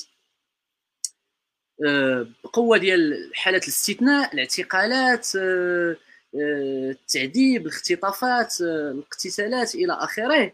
ف واحد النخبة في وسط الاتحاد الوطني للقوات الشعبية غيبداو يفكروا وغيبداو يقولوا واش هذه هي أحسن طريق اللي يمكن نمشيو ليها واش ما كاينش طريق وحده أخرى اللي نقدروا نمشيو فيها اللي آه غادا تكون آه يعني لو بري ا يكون أقل آه من هذا. فتماك مشاو في الخيار ديال الإصلاح. إصلاح من داخل المؤسسات وتماك فين بدات آه، بداو المشاكل في حزب ديال الاتحاد الوطني للقوات الشعبية. فتسمى حزب ديال هو هو راه c'est une continuité ولكن حزب الاتحاد الوطني للقوات الشعبية كتسمية ديال الاتحاد الوطني للقوات الشعبية وراه باقي. راه باقي حتى اليوم راه ما شارك في حكومة ما ما ما دخل في, في, في تناوب ما حتى شي حاجة. حزب الاتحاد الوطني للقوات الشعبية. ولكن حزب الاتحاد الاشتراكي للقوات الشعبية هو بزاف الناس يعني كيقولوا باللي الاتحاد الوطني للقوات الشعبية بدلت السميه الاتحاد الاشتراكي لا هو راه الاتحاد الوطني للقوات الشعبية بقى كالاتحاد الوطني للقوات الشعبية ولكن بزاف الناس وسط منه خرجوا وداروا حزب جديد اللي هو الاتحاد الاشتراكي للقوات الشعبية. فحزب ديال الاتحاد الاشتراكي للقوات الشعبية اللي هو امتداد ديال الاتحاد الوطني للقوات الشعبية هو حزب اللي عنده خيار الإصلاح من داخل المؤسسات وليس الخيار الثوري اللي كان كيآمن به المهدي بن بركة. شنو هي الفكرة ديال الإصلاح من داخل المؤسسات؟ هي أننا غادي نحاولوا في هذا لامارج اللي عندنا اليوم ديال الحريات وديال الحقوق هي تنهضروا على هامش ما تنهضروش على عندنا شي حاجة اللي كبيرة. هامش هو واحد الهامش. قد هكا في وسط هذا الهامش كيفاش ممكن أننا ندخلوا ونحاولوا نكبروا هذا الهامش. هذا هو الإصلاح من داخل المؤسسات. ف تماك بدا الاتحاد الوطني للقوات الشعبية كي كيفكر بحال هكا أو الاتحاد الاشتراكي للقوات الشعبية كيفكر بحال هكا.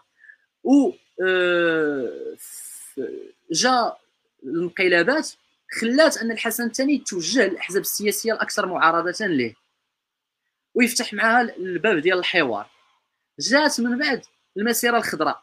المسيرة الخضراء خاص واحد الوحدة وطنية ما يمكنش تمشي عند المجتمع الدولي تقول له باللي راه الصحراء أرض مغربية وهذا وأنت الداخل ديالك عندك واحد الإشكالات آه، كبيرة. فبالتالي الحسن الثاني فتح باب ديال الحوار مع هاد مع الأحزاب اللي كانت في المعارضة وكاع أكثر من ذلك حزب الاستقلال كان دخل الحكومة حزب الاستقلال كان كان دخل الحكومة وبدا المخطط ديالو ديال التعريب في الثمانينات. يعني قبل ما نوصلوا لهذا الشيء ديال ديال ديال ديال التناوب وديال ديال ديال التسعينات. أه بيان سور بدات القنوات ديال الحوار من بعد من بعد ما الاتحاد الاشتراكي دار دار مراجعات آه، فكرية. آه، القصر كذلك فتح قنوات ديال الحوار لأنه خاف شاف باللي كاين انقلاب خاصو يقاد العلاقات ديالو مع الأحزاب السياسية اللي عندها أكثر آه، تمثيلية. كاين المشكل ديال الصحراء donc خاص تكون واحد الوحدة وطنية. على الأقل في هذا الموضوع هذا تكون وحدة وطنية. ففتح القنوات ديال ديال الحوار. تماك بدا واحد التقارب ماشي تنهضروا على شي راه كان صراع. ولكن كان بدأ واحد التقارب يعني كان أكثر ليونة من الستينات والبداية ديال ديال ديال ديال السبعينات. من بعد بدينا دخلنا في la crise. دخلنا في الديون. و... وكان واحد l'événement majeur اللي ما خصناش ننساو وما خصناش نغمضوا عليه عينينا واللي عنده impact على المغرب اللي هو ال mur de Berlin la chute ديال le mur de Berlin والانهيار ديال الاتحاد السوفيتي راه كان عنده impact على المغرب. علاش؟ لأن الاتحاد الاشتراكي ديك الساعات هو أصلا كحزب. شنو كيبدا يشوف؟ كيبدا يشوف انهيار ديال اليسار في العالم. ملي كنهضروا صاي انهيار ديال اليسار في العالم. donc ديك الدولة الاشتراكية اللي غادي نبنيو وكذا ما كايناش. غندخلوا العالم كامل كيدخل في العالم كامل كيدخل في ال privatisation العالم كامل كي يعني كيدخل في ال libéralisation في les échanges commerciaux إلى آخره. donc وهم طاح. مشروع طاح. كله طاح. فبالتالي الاتحاد الاشتراكي كيبدا يفكر القيادات ديالو كتبدا تفكر. و... و... وهذاك الانهيار ديال le mur de Berlin كان خلق واحد الصدمة كبيرة عند عند الأحزاب اليسارية وعند ليليت دو غوش. ماشي غير في المغرب ولكن في العالم كامل. فبالتالي آه، الحزب ديال الاتحاد الاشتراكي ديك الساعة زاد آه، في ذاك الفكر ديال الإصلاح من داخل المؤسسات زاد اقتنع به أكثر. ولا مستعد أكثر أنه يدخل الحكومة ولكن بالمقابل ديال واحد العدد ديال الضمانات اللي اللي اللي آه، اللي ممكن أن آه، أنه يتفاوض فيها مع الحسن الثاني. من الجهة الأخرى شنو اللي واقع للدولة المغربية؟ من مور الانهيار ديال le mur de Berlin والانهيار ديال الاتحاد السوفيتي. اللي وقع هو أن المغرب ما بقاش بإمكانه أنه يمشي في الطريق ديال ديال التعذيب ديال ديال ديال ديال الاستبداد ديال الانتهاكات الصارخة لحقوق الإنسان. تازمامارت اللي دارت اللي دارت ال buzz في, في, في العالم كامل. علاش ما يمكنش ليه؟ لأنه قبل الانهيار ديال le mur de Berlin المغرب كيمشي للأمم المتحدة ولا هذا تيقول لهم هادو باغيين يديروا آه، اشتراكية هادو آه، باغيين يديروا داكشي اللي كاين في الاتحاد السوفيتي هادو باغيين يديروا انقلاب كذا هذه بطبيعة الحال الولايات المتحدة الأمريكية وفرنسا ما كيهضروش مع المغرب لأن c'est un allié ما يمكنش ينتقدوا l'allié ديالهم ويضعفوه داخليا باش يمشي يحكم واحد اللي مع الاتحاد السوفيتي فبالتالي كانوا كيغمضوا عينيهم على الانتهاكات اللي كانت اللي كان كيديرها l'allié ديالهم فبعد الانهيار ديال الاتحاد السوفيتي ملي ما بقاتش هذه القطبيه المغرب ما بقاش له انه يمشي للامم المتحدة يقول لهم الاتحاد السوفيتي هادو راهم راهم يساريين راهم بغاو يديروا بغاو يفعلوا كذا وهذه. donc ولا المغرب مسائل قدام المجتمع الدولي على الانتهاكات ديال حقوق الإنسان. ولا العالم كيسول المغرب كيقولوا شنو هي مارت كيفاش عندك تازمامارت يعني ما بقاتش شي حاجة اللي المغرب يقدر يطاكي بها على راسو. فبالتالي ديك الساعات حسن ثاني بدا كيفكر وبدا تيبان له باللي يمكن أحسن حاجة هي أنه يدخل هاد المعارضين من وسط ال système. وفي الآخر هي كل واحد كيشوفها gagnant gagnant من جهته. الآخر تيقول لك أنا غادي ندخل الاصلاح من داخل المؤسسات غادي ندخل وسط ال système وغادي نحول نبدل. والحسن الثاني تيقول هادو اللي دايرين ليا الصداع مع المجتمع الدولي وانتهاكات حقوقيه هادو غندخلهم لل système. ونعطيهم مراكز وكذا وهذا إلى آخره ويدخلوا حتى هما معايا في في اللعبة. كانت كانت محاولة فاشلة في 93 آه علاش كانت محاولة فاشلة؟ لأن هذه الأحزاب هذه تشبتات ب ب ب ب بأن البصري ما يكونش وزير الداخلية. حسن ثاني كان قال لهم لا. قال لهم ما يمكنش البصري ما يكونش وزير الداخلية. البصري هو وزير الداخلية يا إما تدخلوا البصري هو وزير الداخلية يا إما ما تدخلوش وخليو المفاوضات حتى من بعد. فداز الدستور ديال 92 وصوتوا عليه آه، رفضوه. جات المحاولة الثانية وهي اللي كللت بالنجاح في 96 وهنا بزاف ديال الناس كيتسائلوا تيقول لك علاش الاتحاد الاشتراكي والاستقلال و ال PPS راه دخل في 92 بعد ال PPS ما دخلش في 97 ال PPS قبل في 93 تيقول لك علاش رفضوا في 93 وقبلوا بنفس الشروط اللي كانت في في, في, في الدستور ديال 96 وبنفس الشروط اللي خلاتهم يدخلوا في الحكومة ديال 97 لأن البصري كان باقي كان باقي وزير داخلية وفي الآخر دخلوا. ف آه كاينين هنايا des anecdotes وحنايا كان كان جا لنا واحد السيد من في منتدى الحداثة والديمقراطية كنا واحد الوقيتة هضرنا على على هادشي ديال الانتقال الديمقراطي في المغرب وسميناه أسباب التأجيل. وكان آه، السي تفنوت اللي كان في الاتحاد الاشتراكي كان قال لنا باللي كان آه، كان اليوسفي كان جا عندهم الاجتماع ديال الاتحاد الاشتراكي تيقول لهم ما يمكنش ليا نقول لكم علاش تفاهمت أنا والحسن الثاني. تيقول له تيقولوا له علاش؟ تيقول لهم لأنني حلفت بالقرآن. معاه ما نقدرش نقول لكم علاش تفاهمت معاه. في حين أن الأسس ديال الانتقال الديمقراطي هو أن ذاك التفاهم ما تيكونش شفوي ما تيكونش على القرآن تيكون مكتوب وعلى شكل ديال دستور. الضمانات اللي غادي تعطيني كوزير أول أنني غادي نقدر ندير ونفعل ونطبق وكذا هي الدستور. غتعطيني هذاك الدستور غتشدو وغتقول ها الوزير الأول شنو عنده شنو عنده شنو عنده. ها شكون يقدر يعين ها شكون ما يقدرش يعين وكذا وكذا وكذا. هذا هذا هو الاتفاق.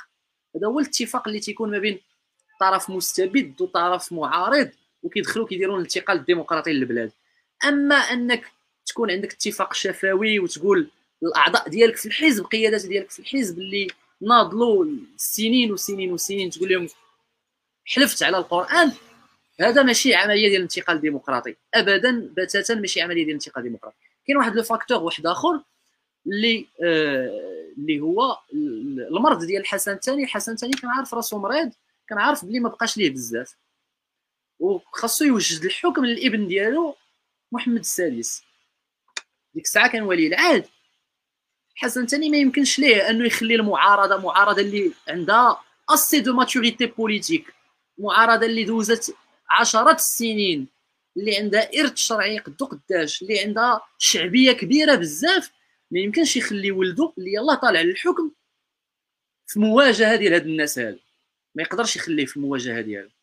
فبالتالي خاصو ضروري خاصو يجيبهم باش ملي ولده يطلع للحكم يلقى هذوك الناس معاه ماشي ضده. من الأحسن أنهم يكونوا معاه على أنهم يكونوا ضده. فهذو كلها عوامل اللي ساهمت في انه كانت عندنا حكومة ديال التناوب ولو فات ديال أنه اليوسفي ما قدرش يجيب ضمانات دستورية مكتوبة. هي اللي خلات أنه في 2002 يدار على الانقلاب. هي اللي خلات أنه في 2002 يجي هو الأول في الانتخابات 50 الاستقلال 48 وفي الأخر الملك يعين واحد التكنوقراط اللي ما دخلش للانتخابات ما عندوش حزب سياسي ما عندوش شرعيه انتخابيه ما عنده حتى حاجة وجا عينوا الملك بلاصة اليوسفي واليوسفي شد التقاعد ديالو. في هذاك في هذيك السنة واستقل من الحزب كليا ومشى في حالاته. ف آه، فبالتالي هذه واحد النقطة كانت تاريخية في, في, في التاريخ ديال المغرب وكاين بزاف ديال الناس اللي تيقولوا يمكن هذه كانت فرصة ما بين الفرص الكثيرة الضائعة في التاريخ ديالنا ديال أننا كنا نمشيو لواحد الطريق ربما أحسن بكثير من هذه اللي اللي اللي شديناها واللي خلاتنا نوصلوا لهنا. ولكن هذا الشيء نومبيش أننا نهضروا على أن كانوا مكتسبات الفكرة ديال الإصلاح من داخل المؤسسات جابت لنا واحد العدد ديال المكتسبات. ليست مكتسبات كبيرة آه، آه، جدا.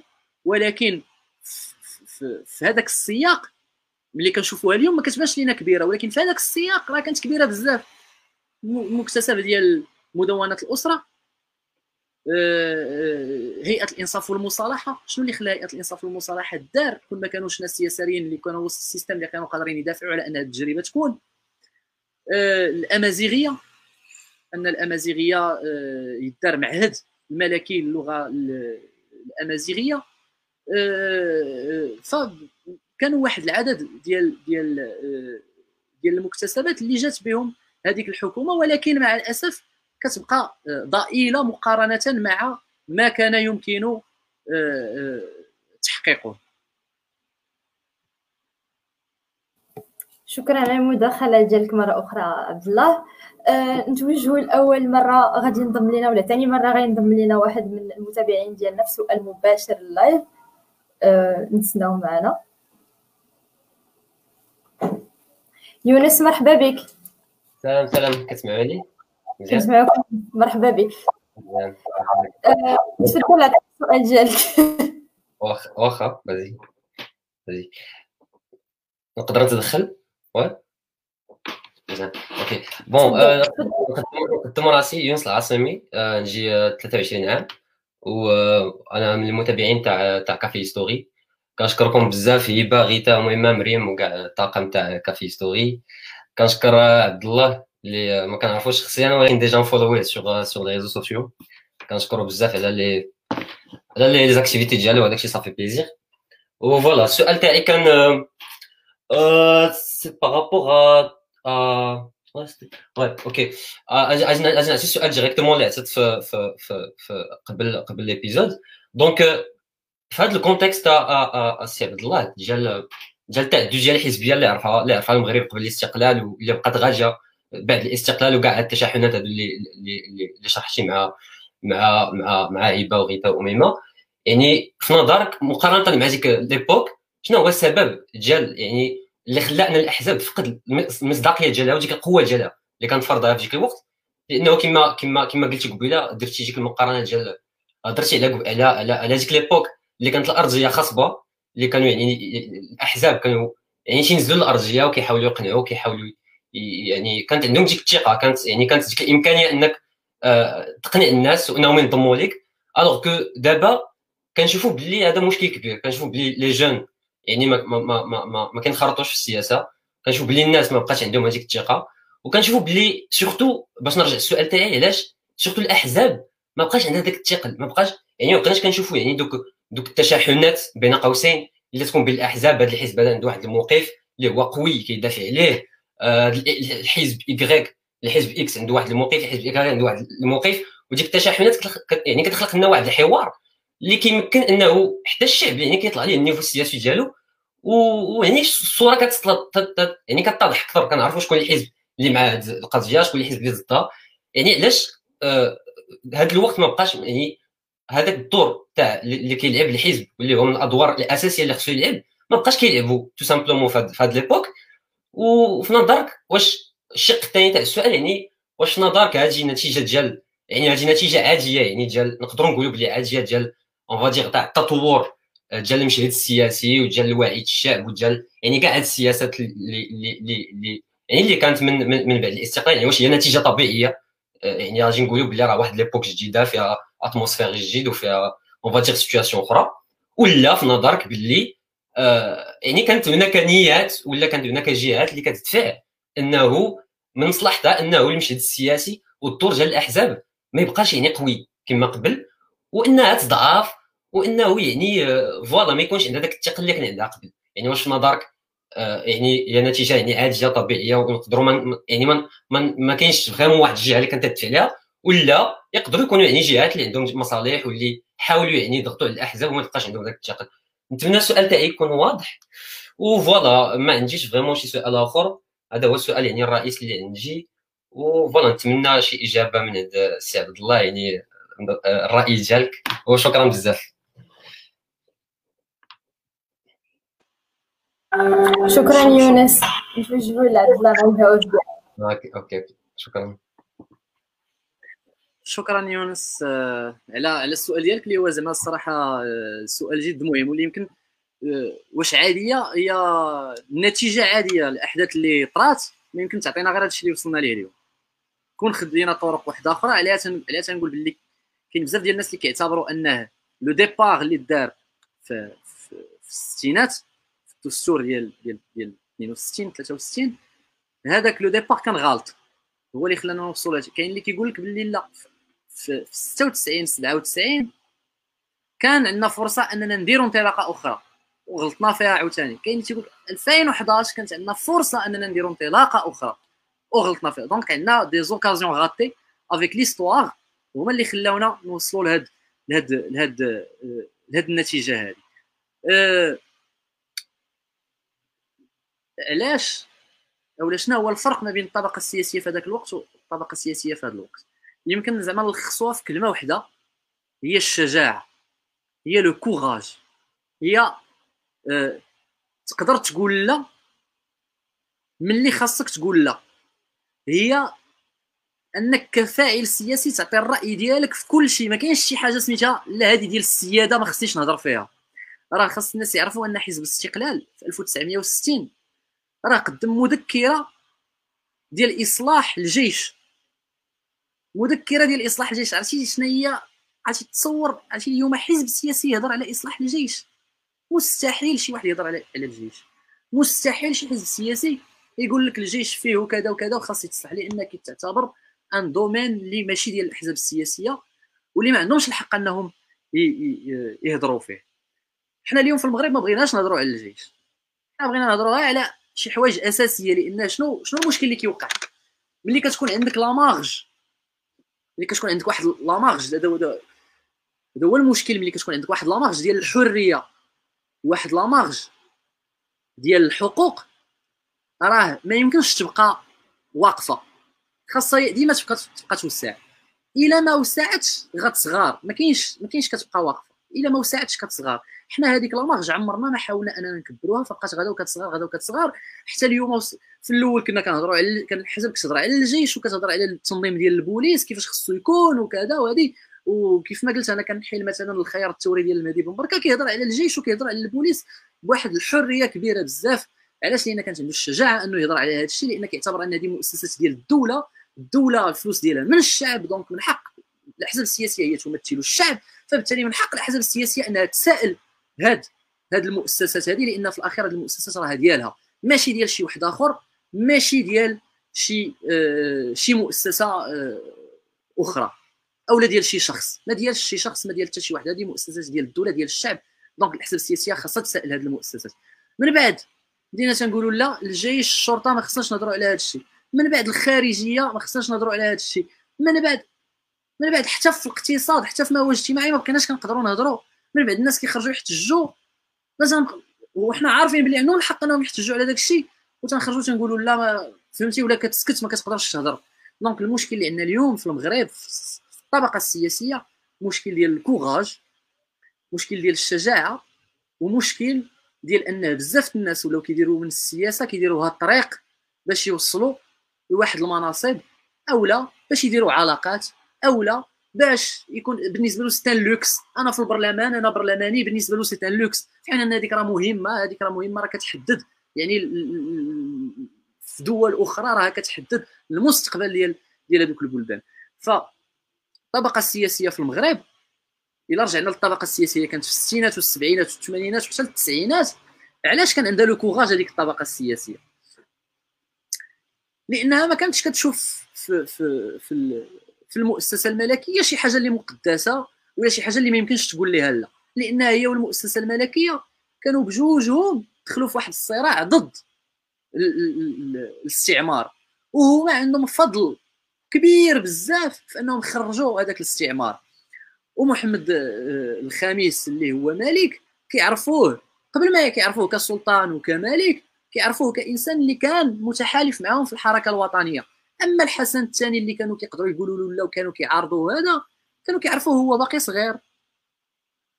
فبالتالي ملي طلع هو ك ك كملك هما بالنسبة لهم كطبقة سياسية في هذيك الوقيتة هما عندهم شرعية تاريخية وشرعية شعبية وداك الشيء اللي هما عطاو للبلاد أكثر بكثير من داك الشيء اللي عطاه الحسن الثاني آنذاك.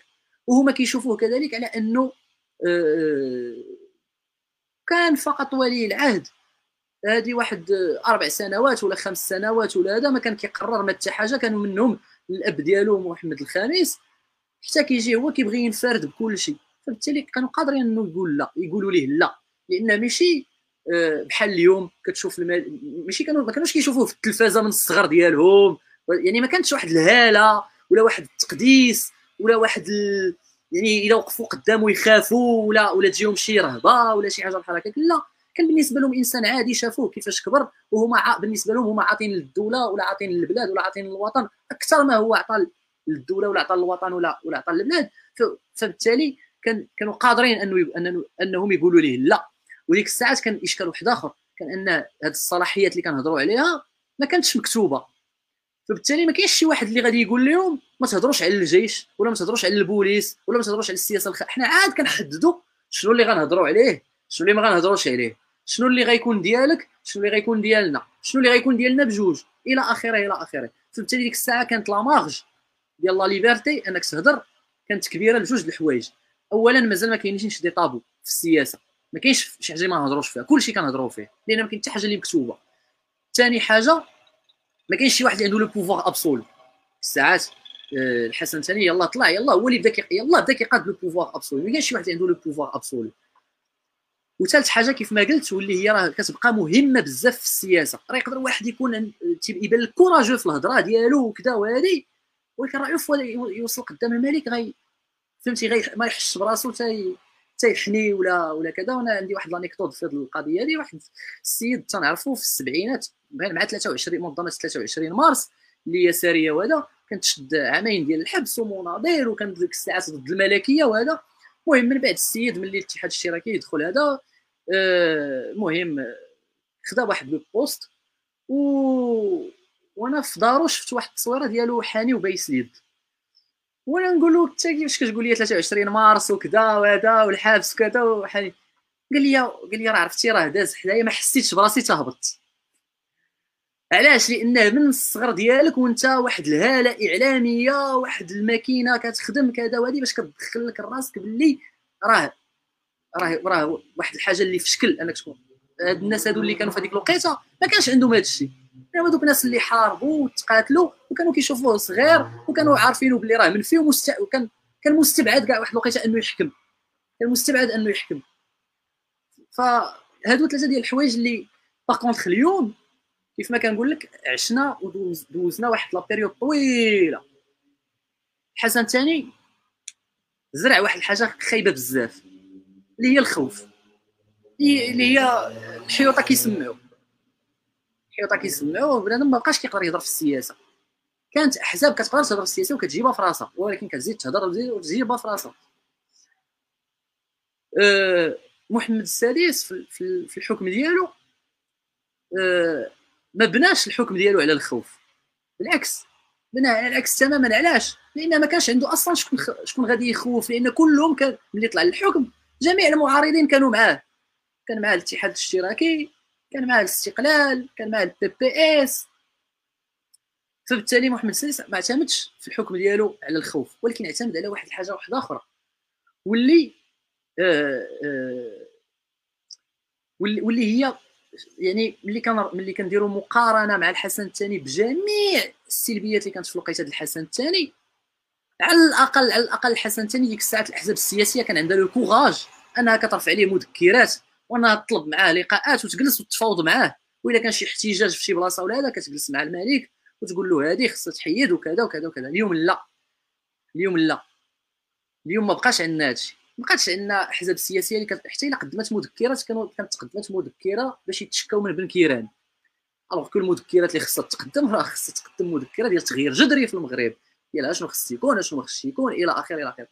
لدرجة ان في 2011 راه آه يعني في 2011 راه المسودة ديال الدستور اللي خرجت من اللي خرجت من من من من الديوان الملكي من يعني من اللجنة اللي دارها اللي دارها الملك. هذيك اللجنة اللي دارها الملك راه كان المقترحات ديالها كانت plus osantes و plus courageuses que مقترحات الأحزاب السياسية. علاش؟ لأن الأحزاب السياسية شنو ولا؟ ولات كدير l'autocensure ما منعها كاين شي مواضيع اللي ما منعها حتى واحد أنها تهضر فيهم ولكن غير حيت ولا كيخافوا أكثر كذا هذه ولكن وعلي السؤال الأكثر هو علاش كيخافوا؟ راه ما كيخافش إنه يدخل للحبس ولا لأن عارف راسو راه مستبعد إنه يدخل كاين كيخاف على les privilèges ديالو. كيخاف على المكانة ديالو داخل الحزب كيخاف على المنصب ديالو. كيخاف على الفلوس ديالو. هادشي كيخ... ولا كيخاف إنه يوم يتقاسو فبالتالي ما بقاش الفاعل السياسي كيبغي يهضر بزاف. علاش؟ لأن الأحزاب السياسية من مور خصوصا من مور التجربة ديال 97 ديال التناوب. هذيك التجربة خلات أنه بزاف ديال الناس بزاف ديال النخبة السياسية ما تكونش راضية على هذيك التجربة وانسحبات من الحزب. انسحبات من الأحزاب انسحبات من العمل السياسي ولما خلات الأحزاب السياسية؟ خلاتها للناس اللي ما هما نخبة ما هما مثقفون أو ربما يقدروا يكونوا مثقفون ولكن غلب عليهم ذاك الطابع يعني الوصولي والانتهازي ولكن اللي بغيت نوصل ليه في الأخر هو قدام هذا لو كونستا كامل أكبر مشكل نقدروا نديرو. ك ك ك كمغاربة هو أننا نخليو الأحزاب خاوية لهاد الطبقة اللي خلات الأحزاب تكون بحال هكا بالعكس لأنه هادو اللي اليوم ما قادرينش يهضروا ما قادرينش يقولوا لا وما قادرينش يرفضوا الأمور اللي خصها ترفض واللي خص يتقال ليها لا ما قدروا يوصلوا تماك حتى لقاو الساحة خاوية. كون كانت الساحة عامرة ما عمرهم ما كانوا غاديين يكونوا تماك. فبالتالي أنا الفكرة اللي كتبان لي آه، أكثر واقعية هي أنه ما خاصش نسمحوا لأنه يكونوا ناس في وسط الأحزاب السياسية هكا دونك آه، المهم كنتمنى نكون نكون جاوبت واخا تنظن بلي طولت شي شوية.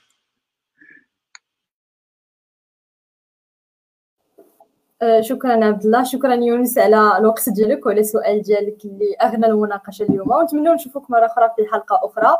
ومناقشات أخرى إن شاء الله. شكرا.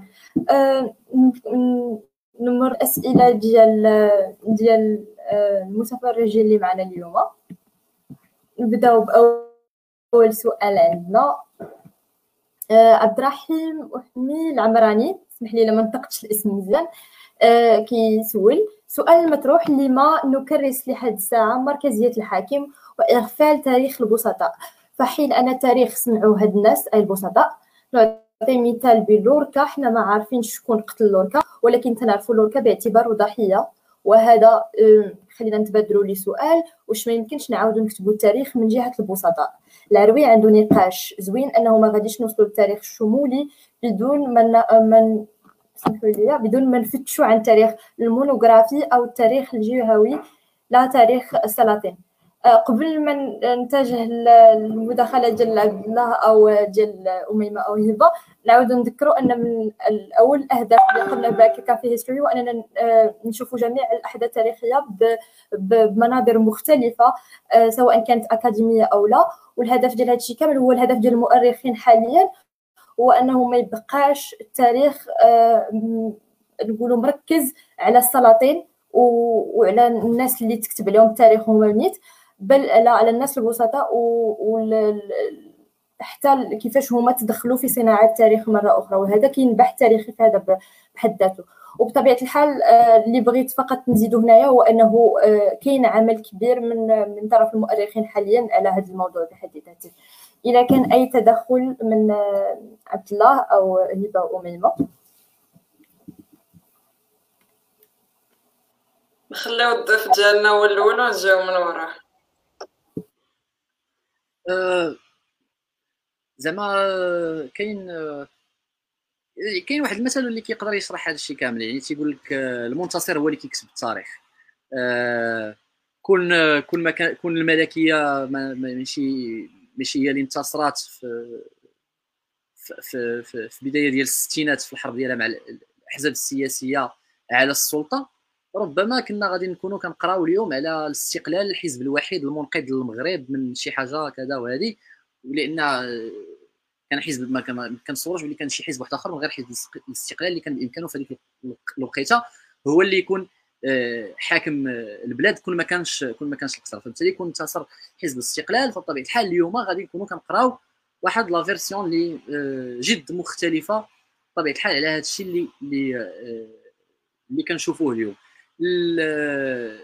الإشكال ماشي هو في, في, في, التاريخ الرسمي لأنه حنا خاص ديما يكون عندنا داك l'instinct ديال أننا نقراو التاريخ الرسمي مزيان أننا نقراو التاريخ الرسمي. ولكن مزيان أننا ناخذوه بواحد آه، آه، واحد les réserves بواحد الاحتياط كبير. ما ناخذوش على أساس أنها حقيقة مطلقة. ومزيان أننا نمشيو نقلبوا في les versions المختلفين. على على هادشي. وكاينين. راه ما كاينش غير التاريخ الرسمي اللي كنقراو عليه. آه، ما كاينش التاريخ اللي قريناه في المدرسة. ما كاينش التاريخ اللي كاين في, في, في, في ال bibliothèque nationale. لا راه عندنا مؤرخين وعندنا ناس اللي عندهم دي فيرسيون ديالهم اللي كانوا اللي اعتمدوا فيهم على على على, على دلائل وعلى براهين وعلى حجج وعلى بحوث اللي دامت السنين والسنين والسنين باش يخرجوا هذوك الكتب آه، ديالهم. فديما التاريخ راه مكتوب بزاف ديال المرات وبزاف ديال الأقلام آه، مختلفة. الإشكال ماشي هو أنك تكون كت آه، ماشي هو أنك آه، يعني تقرأ ضد ما هو رسمي أو لا تقرأ ما هو رسمي ضد ما هو معارض. اللي خاص يكون بالنسبة لي هو أنك تقراهم كاملين وتحاول أنت كإنسان تقول باللي هذه هي ما بين هادشي كامل اللي قريت هادشي هو اللي بان ليا أقرب أقرب ربما إلى ال... إلى الواقع إلى الحقيقة. وفي الأخير أنا غادي نرجع داكشي اللي كنت قلت في الأول هو أن في التاريخ راه التاريخ ماشي علم آه، مدقق ماشي mathématiques ماشي واحد زائد واحد كتساوي جوج. donc آه، التاريخ ديما غادي يبقاو des versions اللي كيتقالوا اللي يمكن ما وقعوش و d'autres versions اللي اللي وقعوا وما تذكروش. إلى آخره إلى آخره. ولكن الواحد هو اللي يحاول يقلب ويشوف ما بين les versions كاملين اللي تقالوا على واحد الحادثة. يحاول يكون يعني شنو اللي بان ليه le plus logique في داك الشيء في داك الشيء كامل اللي اللي اللي كنقراه واللي بغيت نرجع له هو أنه راه كاينين الناس اللي عاطين يعني اللي كاتبين التاريخ بطرق واحدة أخرى في المغرب النيت. وعندهم des versions واحدة أخرى اللي مختلفة على على على يعني على على الرواية الرسمية اللي كت اللي كتقدم. شكرا عبد الله. ننتجوا الاميمه لواحد المداخلة بسيطة من عندها ولا لكن عندها اي أي حاجة ديال أه صراحة بغيت نتفاعل مع السؤال ديال شنو سميت الولد اللي عتسولنا دابا ولا السيد اللي عتسولنا دابا المهم السؤال ديال دابا والسؤال ديال قبل تاع الضيف اللي داز معانا. أنا الصراحه الراي ديالي من الراي ديال عبد الله غير بغيت نضيف واحد أخرى هي ديال أنه آه راه الناس اللي كينتصروا ولا الناس اللي عندهم السلطة ولا كيحكموا راه هما اللي هما اللي كيقدروا تكون عندهم الفرصة أنهم يكتبوا التاريخ.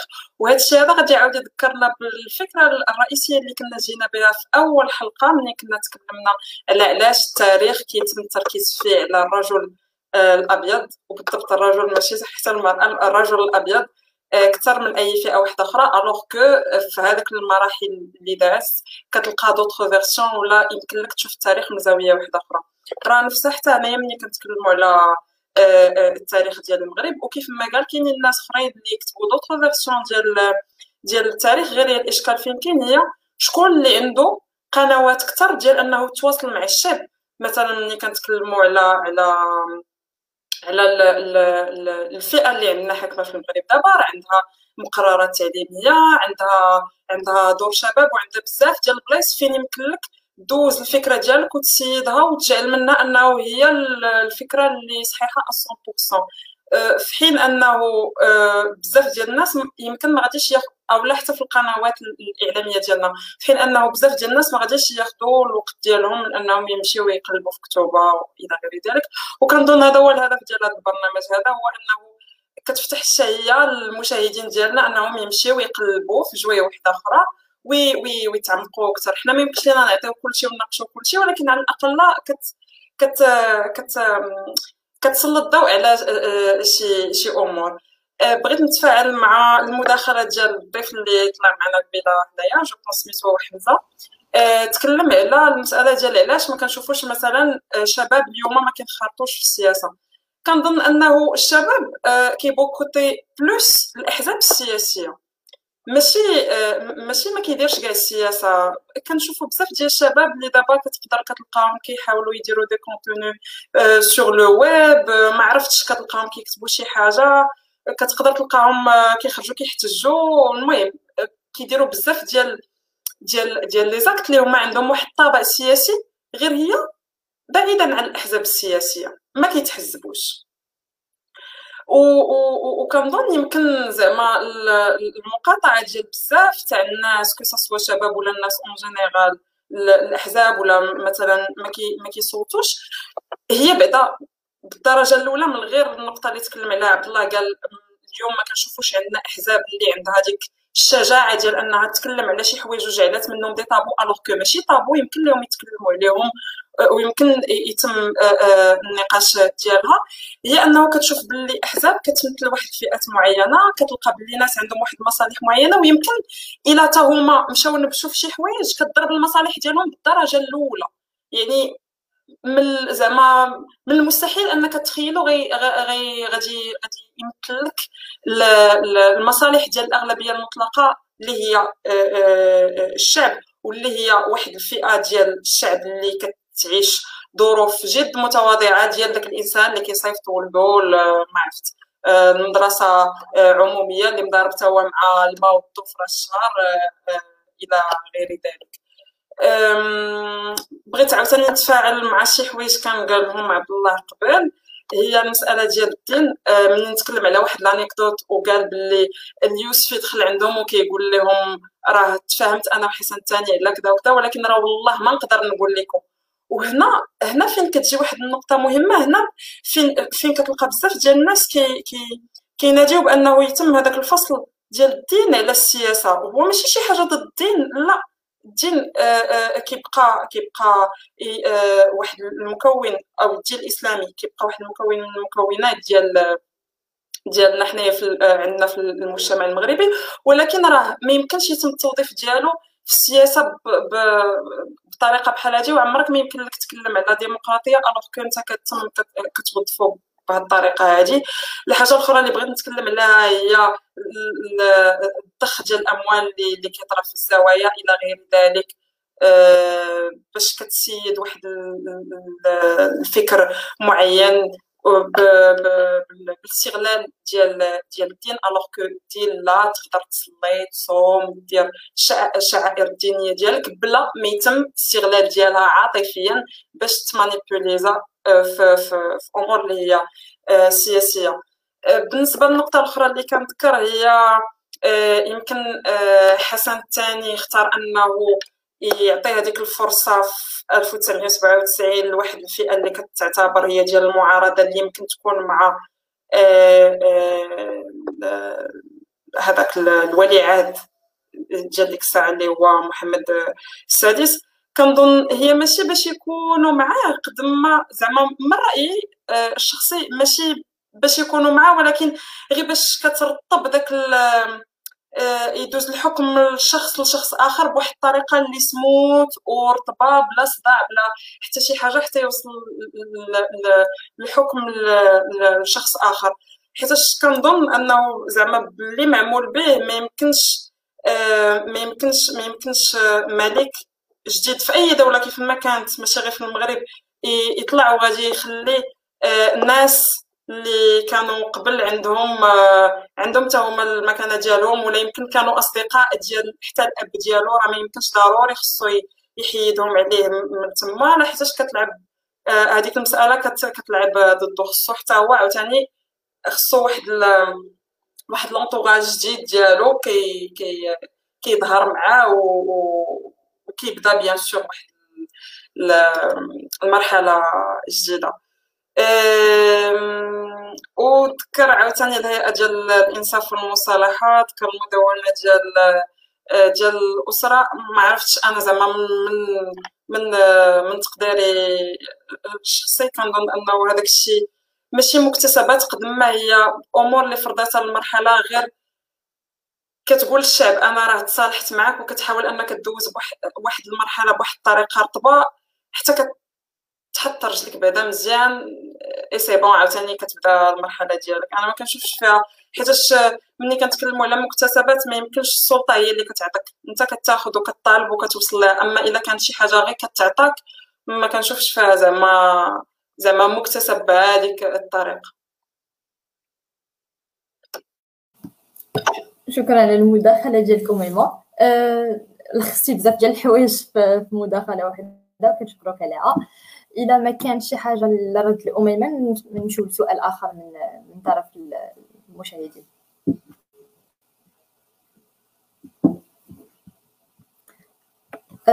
هدات حصول المغرب على الاستقلال برز حزب الاستقلال كقوة سياسية إلى جانب القصر وظهر كذلك كنظن ظهرت سياسة نحو تبني الحزب الوحيد. سؤالي وكيف تم قطع الطريق على هذا الحزب من طرف القصر وهو أدى فكرة الحزب الوحيد؟ تفضل عبد الله. أوكي. أه هو الصراحة الفكرة ديال ديال الحزب الوحيد في المغرب كانت أه كاين بزاف اللي اللي اللي كيهضروا على أنه كانت هذه الامكانيه ديال ان حزب الاستقلال يديرها ولكن زعما اللي كنرجعوا للتاريخ راه كان صعيب على حزب الاستقلال يديرها. واخا ما يكونش القصر المنافس ديالو وهذا كان غيلقى إشكال كبير مع الأحزاب الأخرى. علاش؟ لأن حنا التعددية كيف ما قلنا حنا عندنا التعددية من الاربعينات راه ما عندناش التعددية باش يحصل مور الاستقلال عاد بدينا كان كنديروا في الأحزاب. لا كانوا عندنا أحزاب بدات التجربه في 34 من بعد ثاني حزب يمكن في 37 و ومن بعد في الاربعينات فين فين فين فين بدات عندنا التعدديه ديال بصح ديال ديال ديال الأحزاب السياسية آه، مختلفة. فبالتالي ما كانتش آه، واحد الإمكانية كبيرة ديال حزب الاستقلال أنه يعني يحيد هاد هاد هاد التعدديه ويدير النظام ديال الحزب الواحد. الأكثر من ذلك هو أنه آه، هو ربما لأن كاين كاين واحد الجناح وسط حزب الاستقلال اللي هو يساري دونك عنده الفكرة ديال الحزب الواحد أنها تطبق وهذا ولكن تنقول أنا أنه واخا تكون عندهم الفكرة كان صعيب بزاف أنهم يطبقوها. وكان يعني سيرمون آه، كانوا غادي كانوا غيدخلوا في واحد كنا غادي ندخلوا في واحد الحرب داخلية. يعني ما بينات آه هاد الأحزاب. وأنا تنعطي غير مثال ديال حزب الشورى والاستقلال. كان عنده جناح مسلح ديالو وكان كيتقاتل مع آه، الجناح المسلح ديال ديال حزب ديال حزب الاستقلال. فبالتالي آه الفكرة ديال الحزب الواحد ماشي كانت وقطعنا عليها الطريق هي ما كانتش من الأصل. وكان ربما كان هناك تخطيط انها تدار ولكن هذاك التخطيط براسو كان بعيد على على الواقع بعيد على الواقع اللي كنا اللي كان اللي كان المغرب كيعيشوا ديك الساعات واللي ما حنا ماشي بحال الجزائر.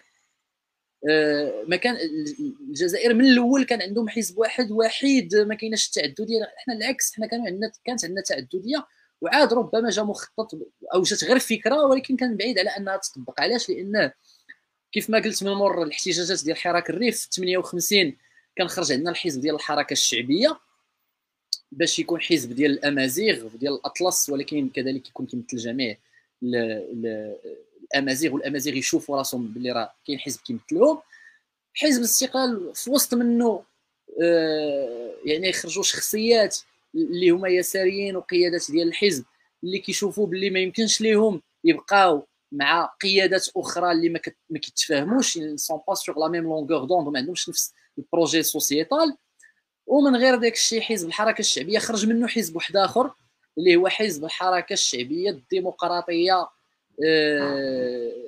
حزب الحركة الشعبية الديمقراطية الدستورية. واللي ولا هو من بعد العدالة والتنمية في في, في 97 وخرج منهم في في, في البداية ديال ديال الستينات. لأن أحرضان ما تفاهمش مع مع الخطيب فخرج الخطيب ودار حزب واحد آخر. فبالتالي في وسط الصراعات كاملة يعني كي صعيب أنك تخيل باللي كان بالإمكان انه شي نهار يكون عندنا آه، نظام ديال ديال ديال الحزب الواحد. ولكن ولكن هذا الشيء ما كيعنيش أن القصر ما استغلش هذا المعطى. هو ماشي حيد الحزب الواحد ودار التعددية. القصر جا ولقى كاينة التعددية ولكن زاد كثر منها وزاد كرسها باش يضعف المنافس ديالو. لأن شكون هو المنافس ديالو الكبير؟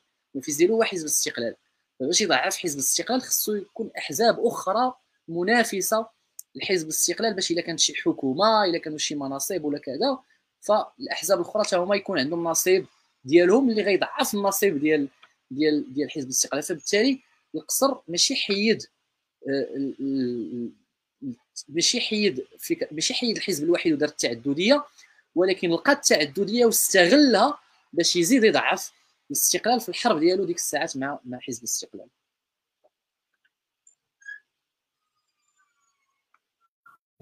شكرا عبد الله على الإجابة ديالك. نمروا للسؤال الثاني. آه تالي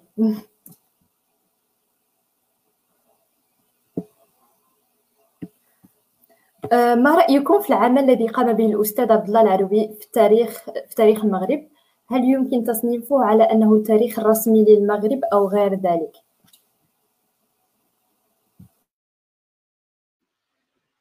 آه، بطبيعة الحال عبد الله العروي من أكبر آه، يعني المفكرين بعدا هو قبل ما يكون يعني مؤرخ ولا كاتب التاريخ وراه مفكر كبير وكانوا عنده يعني عدد من الكتابات اللي كان كيعطي فيها التصور ديالو للعمل السياسي لدرجة أن الحسن الثاني كان كيتشاور معاه بعض المرات في, في, في يعني كيحاول ياخذ بالرأي ديالو في, في الوضعية السياسية آه، آه، ديال البلاد. آه، عبد الله العروي دار عمل كبير والصراحه هو زعما ماشي أنا اللي غادي نشهد ليه بها بالعكس راه مؤرخين كبار وكتاب كبار وناقدين كبار. اللي كيهضروا على العمل اللي داروا عبد الله العروي. وعبد الله العروي دار واحد الحاجة مهمة بزاف.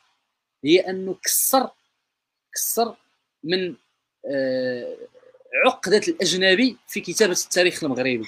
لأن حنا شنو اللي كان عندنا في المغرب؟ إلا بغيتي تقرأ على التاريخ ديال المغرب في واحد الوقت تمشي ديما عند كاتب فرنسي. راه ملي كنهضروا على الفلاح المدافع عن العرش راه كنهضروا على Rémy راه c'est un Français.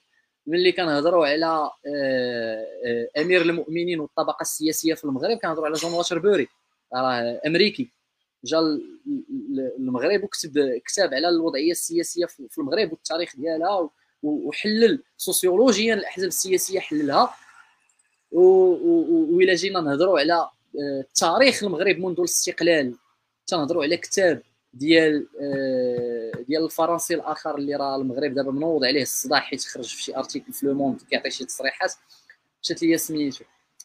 آه، المهم سميتو بيير فيرميرين بيير فيرميرين l'histoire du Maroc depuis l'indépendance donc كانت عندنا هذا كان عندنا هذا الإشكال ديال ان في أي فيما كنبغيو نقراو التاريخ ديالنا كنتوجهوا للأجنبي. فعبد الله العروي أعطى واحد كسر واحد العقدة وعطى واحد الكتب اللي فيهم كتابة ديال التاريخ من طرف إنسان مغربي اللي دار عمل جبار وكبير بزاف.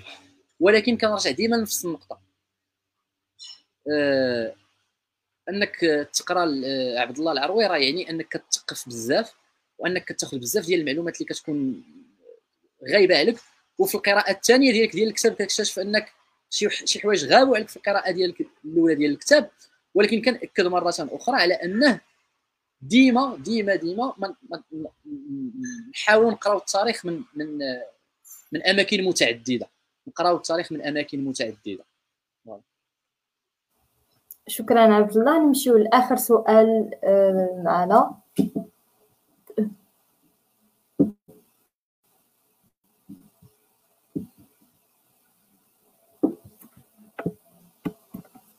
ما رأيك فيما يتعلق بإقصاء الهوية الأمازيغية في المغرب بعد الاستقلال؟ بالرغم من أن 90% من مصدر آه، ربما ما نذكرش من الجنود الذين قاتلوا كانوا أمازيغ ولم يتم دمج اللغة الأمازيغية كلغة رسمية في المغرب حتى دستور 2011 وما زال هنالك عنصرية إن كان يحق تسميتها بعنصرية في الإدارات تجاه الأمازيغ الذين يتحدثون سوى لغة واحدة. هل هذه النقطة آه، آه، كنعتبر بها أننا بعيدون كل البعد عن الاستقلال بحيث الذين كافحوا من أجل الاستقلال قد تم جردهم من أدنى حق اللي هو الحق ديال يكون عندهم اللغة ديالهم الصراحة الموضوع ديال الأمازيغية موضوع جد مهم بزاف لأنه موضوع ديال الهوية المغربية. وحنايا في المغرب يعني ما بين المشاكل اللي عندنا كشعب مغربي وكمجتمع راه عندنا أزمة ديال الهوية. حنا شكون هما حنا؟ من غير اننا التاريخ ديالنا آه، ما ما ما عارفينوش. كاينين des conséquences ملي ما كتكونش عارف التاريخ ديالك. les consé- ما بين les conséquences ملي ما كتكونش عارف التاريخ ديالك هو انك ما كتكونش عارف الهوية ديالك. ما كتكونش عارف شكون أنت كشعب. شنو اللي كيجمعنا ما بين داك اللي في طنجة شنو اللي كيجمعوا بهذاك اللي في العيون شنو اللي كيجمعوا بهذاك اللي في خريبكة شنو اللي كيجمعوا فبالتالي ملي كنكونوا ما عارفينش التاريخ ديالنا كتكون عندنا أزمة ديال الهوية والأمازيغية داخلة في هذه القضية ديال الهوية. والمشكل ديال الأمازيغية يمكن نقولوا أنه أنه المشكل كان بدا من يعني الظلم ديال الأمازيغية كان بدا من ما ما يسمى وما يصطلح عليه اليوم بالظهير البربري. أه في التاريخ ديال المغرب عرفتي؟ راه راه مازال اليوم كنقريو المغاربة باللي الفكرة ديال آه، الظهير البربري راه فكرة خايبة وما كانش خاصها تكون وباللي داروها دارتها فرنسا باش تقسم ما بين المغاربة وكذا وكذا وكذا. فأنا كنتفهم أن الناس في الثلاثينات عندهم التخوف أن فرنسا جابت الظهير البربري donc باغا دير انقسام وهما ناس أصلا بالنسبة لهم العربية هي آه، اللغة اللي خاصها تكون وما يمكنش أنهم يتصوروا باللي آه غتكون واحد القبائل كتحكم بواحد لي لوا وقبائل أخرى كتحكم بواحد لي لوا أخرين. ولكن إلا جينا نهضروا على الدائره البربري شنو شنو كانت الفكرة ديال الدائره البربري؟ الفكرة ديال الدائره البربري كانت هي انه المغرب حنا كنعرفوا قبل 1912 كان قبائل مختلفة. ما كانش قانون واحد كيتطبق على المغرب كامل.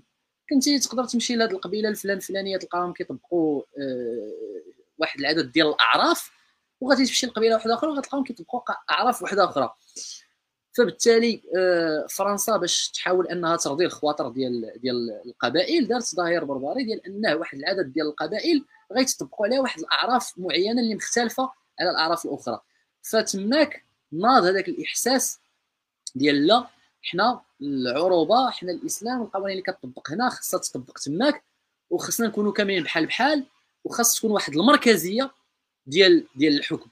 هاد المركزية ديال الحكم هي اللي كان جا الحسن الثاني وبنى عليها الأسس ديال الحكم ديالو. آه يعني بناه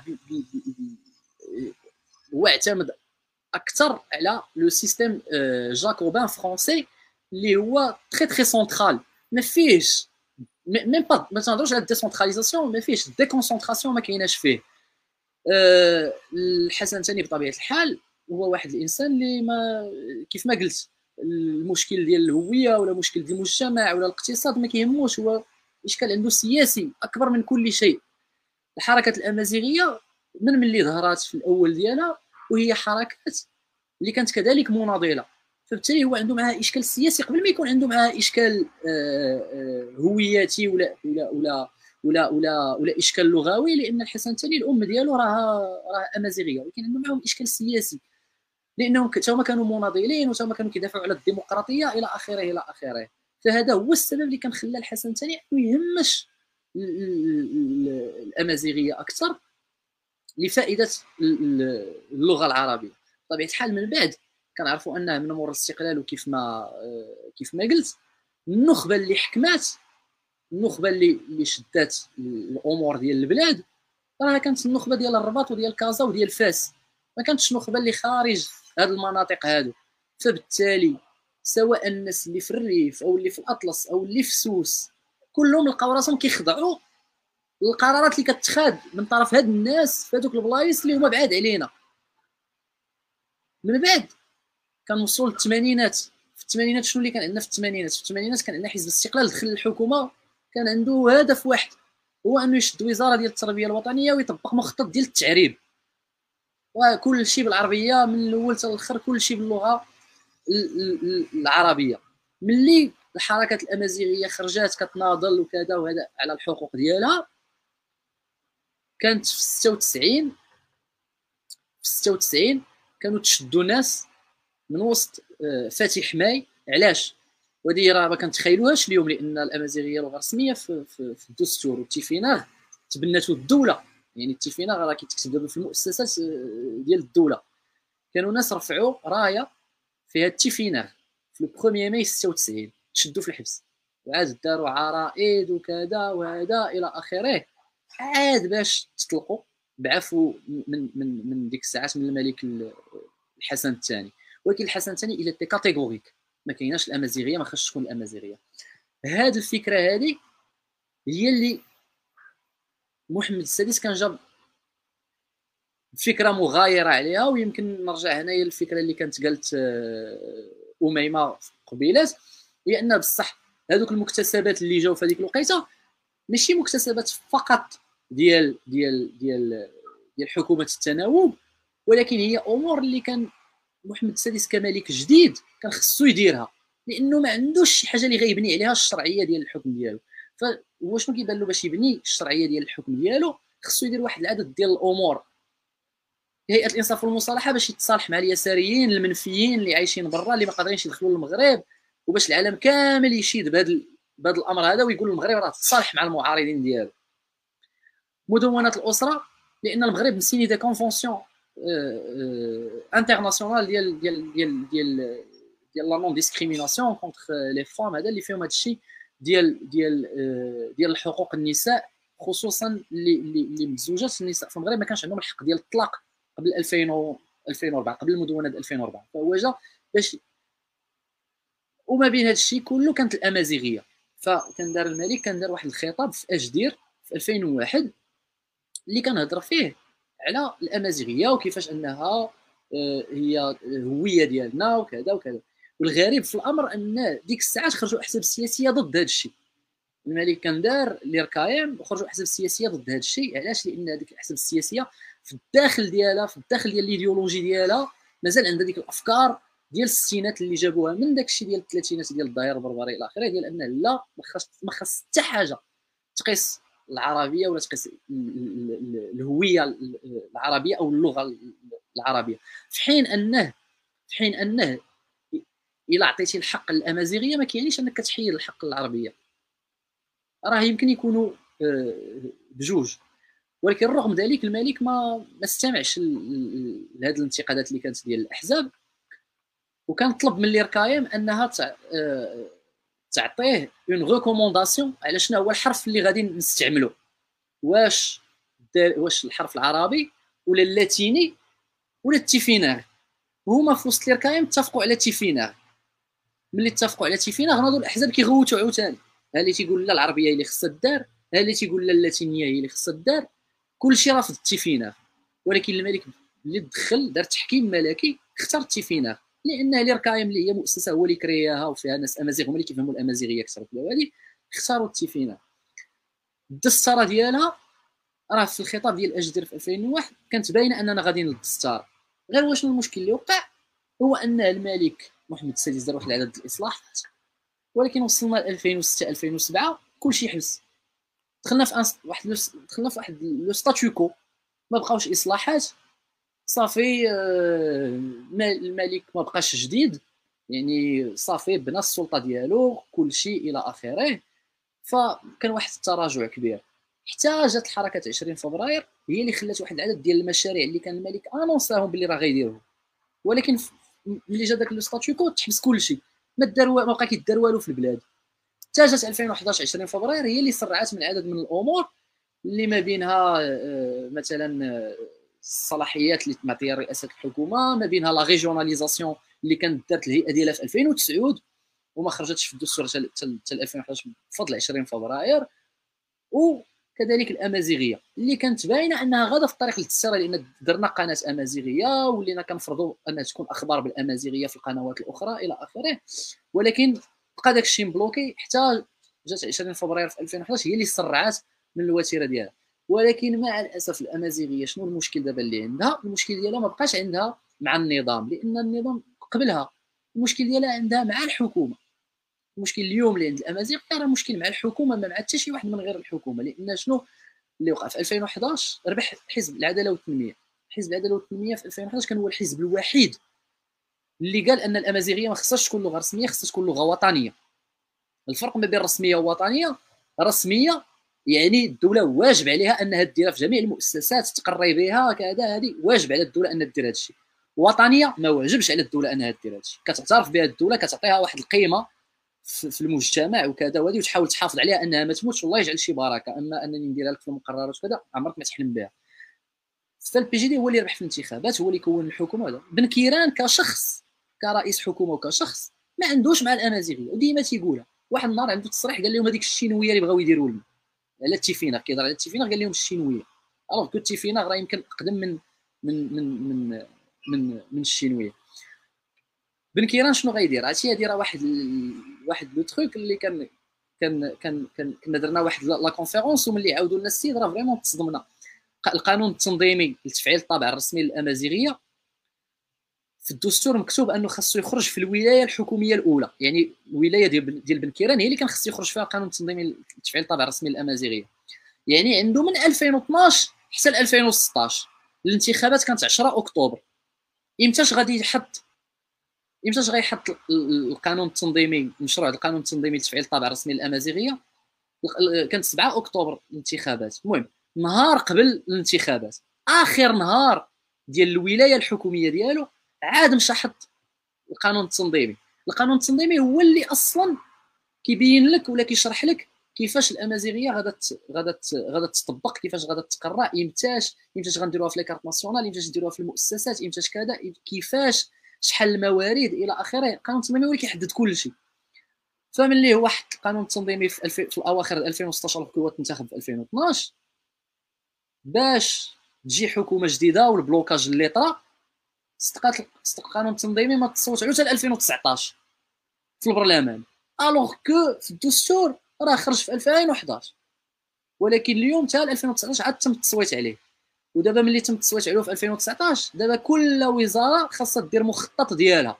وسير عاوتاني واحد ربع سنين ولا خمس سنين باش كل وزارة دير مخطط ديالها باش تنزل الأمازيغية. donc المشكل هو بالأساس اليوم هو مشكل ماشي ديال النظام ماشي ديال الشعب. هو مشكل ديال مشكل سياسي ديال الحكومة وديال المسؤولين السياسيين في المراكز القرار اللي ما عندهمش اراده باش يفعلوا هذا الشيء في القريب العاجل باغيين يفعلوه ولكن حتى 2040 2050 عاد ديك الساعات يابليكيو فوالا شكرا عبد الله على المداخلة الشيقة ديالك في طوال الحلقة اللي كانت معنا اليوم كنشكركم مجددا على الوجود معنا اليوم. آه، وصلنا لنهاية الحلقة. قبل ما نختموا معكم الحلقة والموسم آه، حتى هو نمشيو عند هبة اللي غتقول لنا واحد كلمة أخيرة. آه شكرا غيتا كنود نشكر الضيف ديالنا. ونشكر أميمة.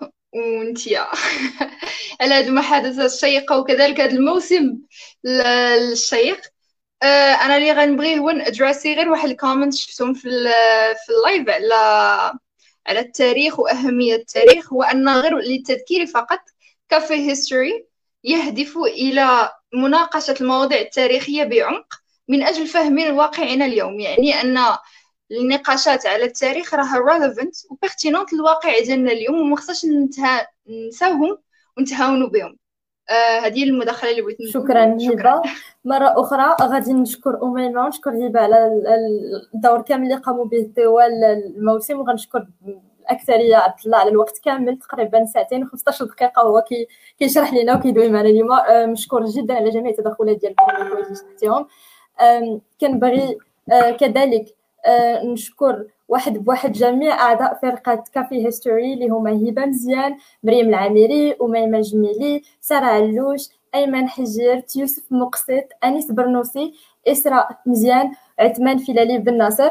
آه كنبغي نشكر جميع المتفرجين اللي كانوا معنا منذ بداية الموسم إلى آه آخر حلقة اللي هي اليوم.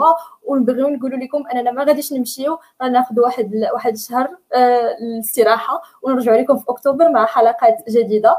ولكن آه ما بين ما بين الموسمين غادي يكونوا عندنا حلقة جديدة في واحد آه في واحد لا جديدة اللي غتكون على على النساء في التاريخ. تبعوهم معنا. ونتمنى أنكم تكونوا المتابعين Café History على الدوام. وحنا ديما كنتسناو تدخلاتكم وجميع الأفكار اللي كتناقشوها معنا. ومرحبا بكم في Café History. وقبل ما نساليو نبغيو نفكركم في ال slogan ديالنا. ومهمه اللي هو التاريخ فيه وفيه.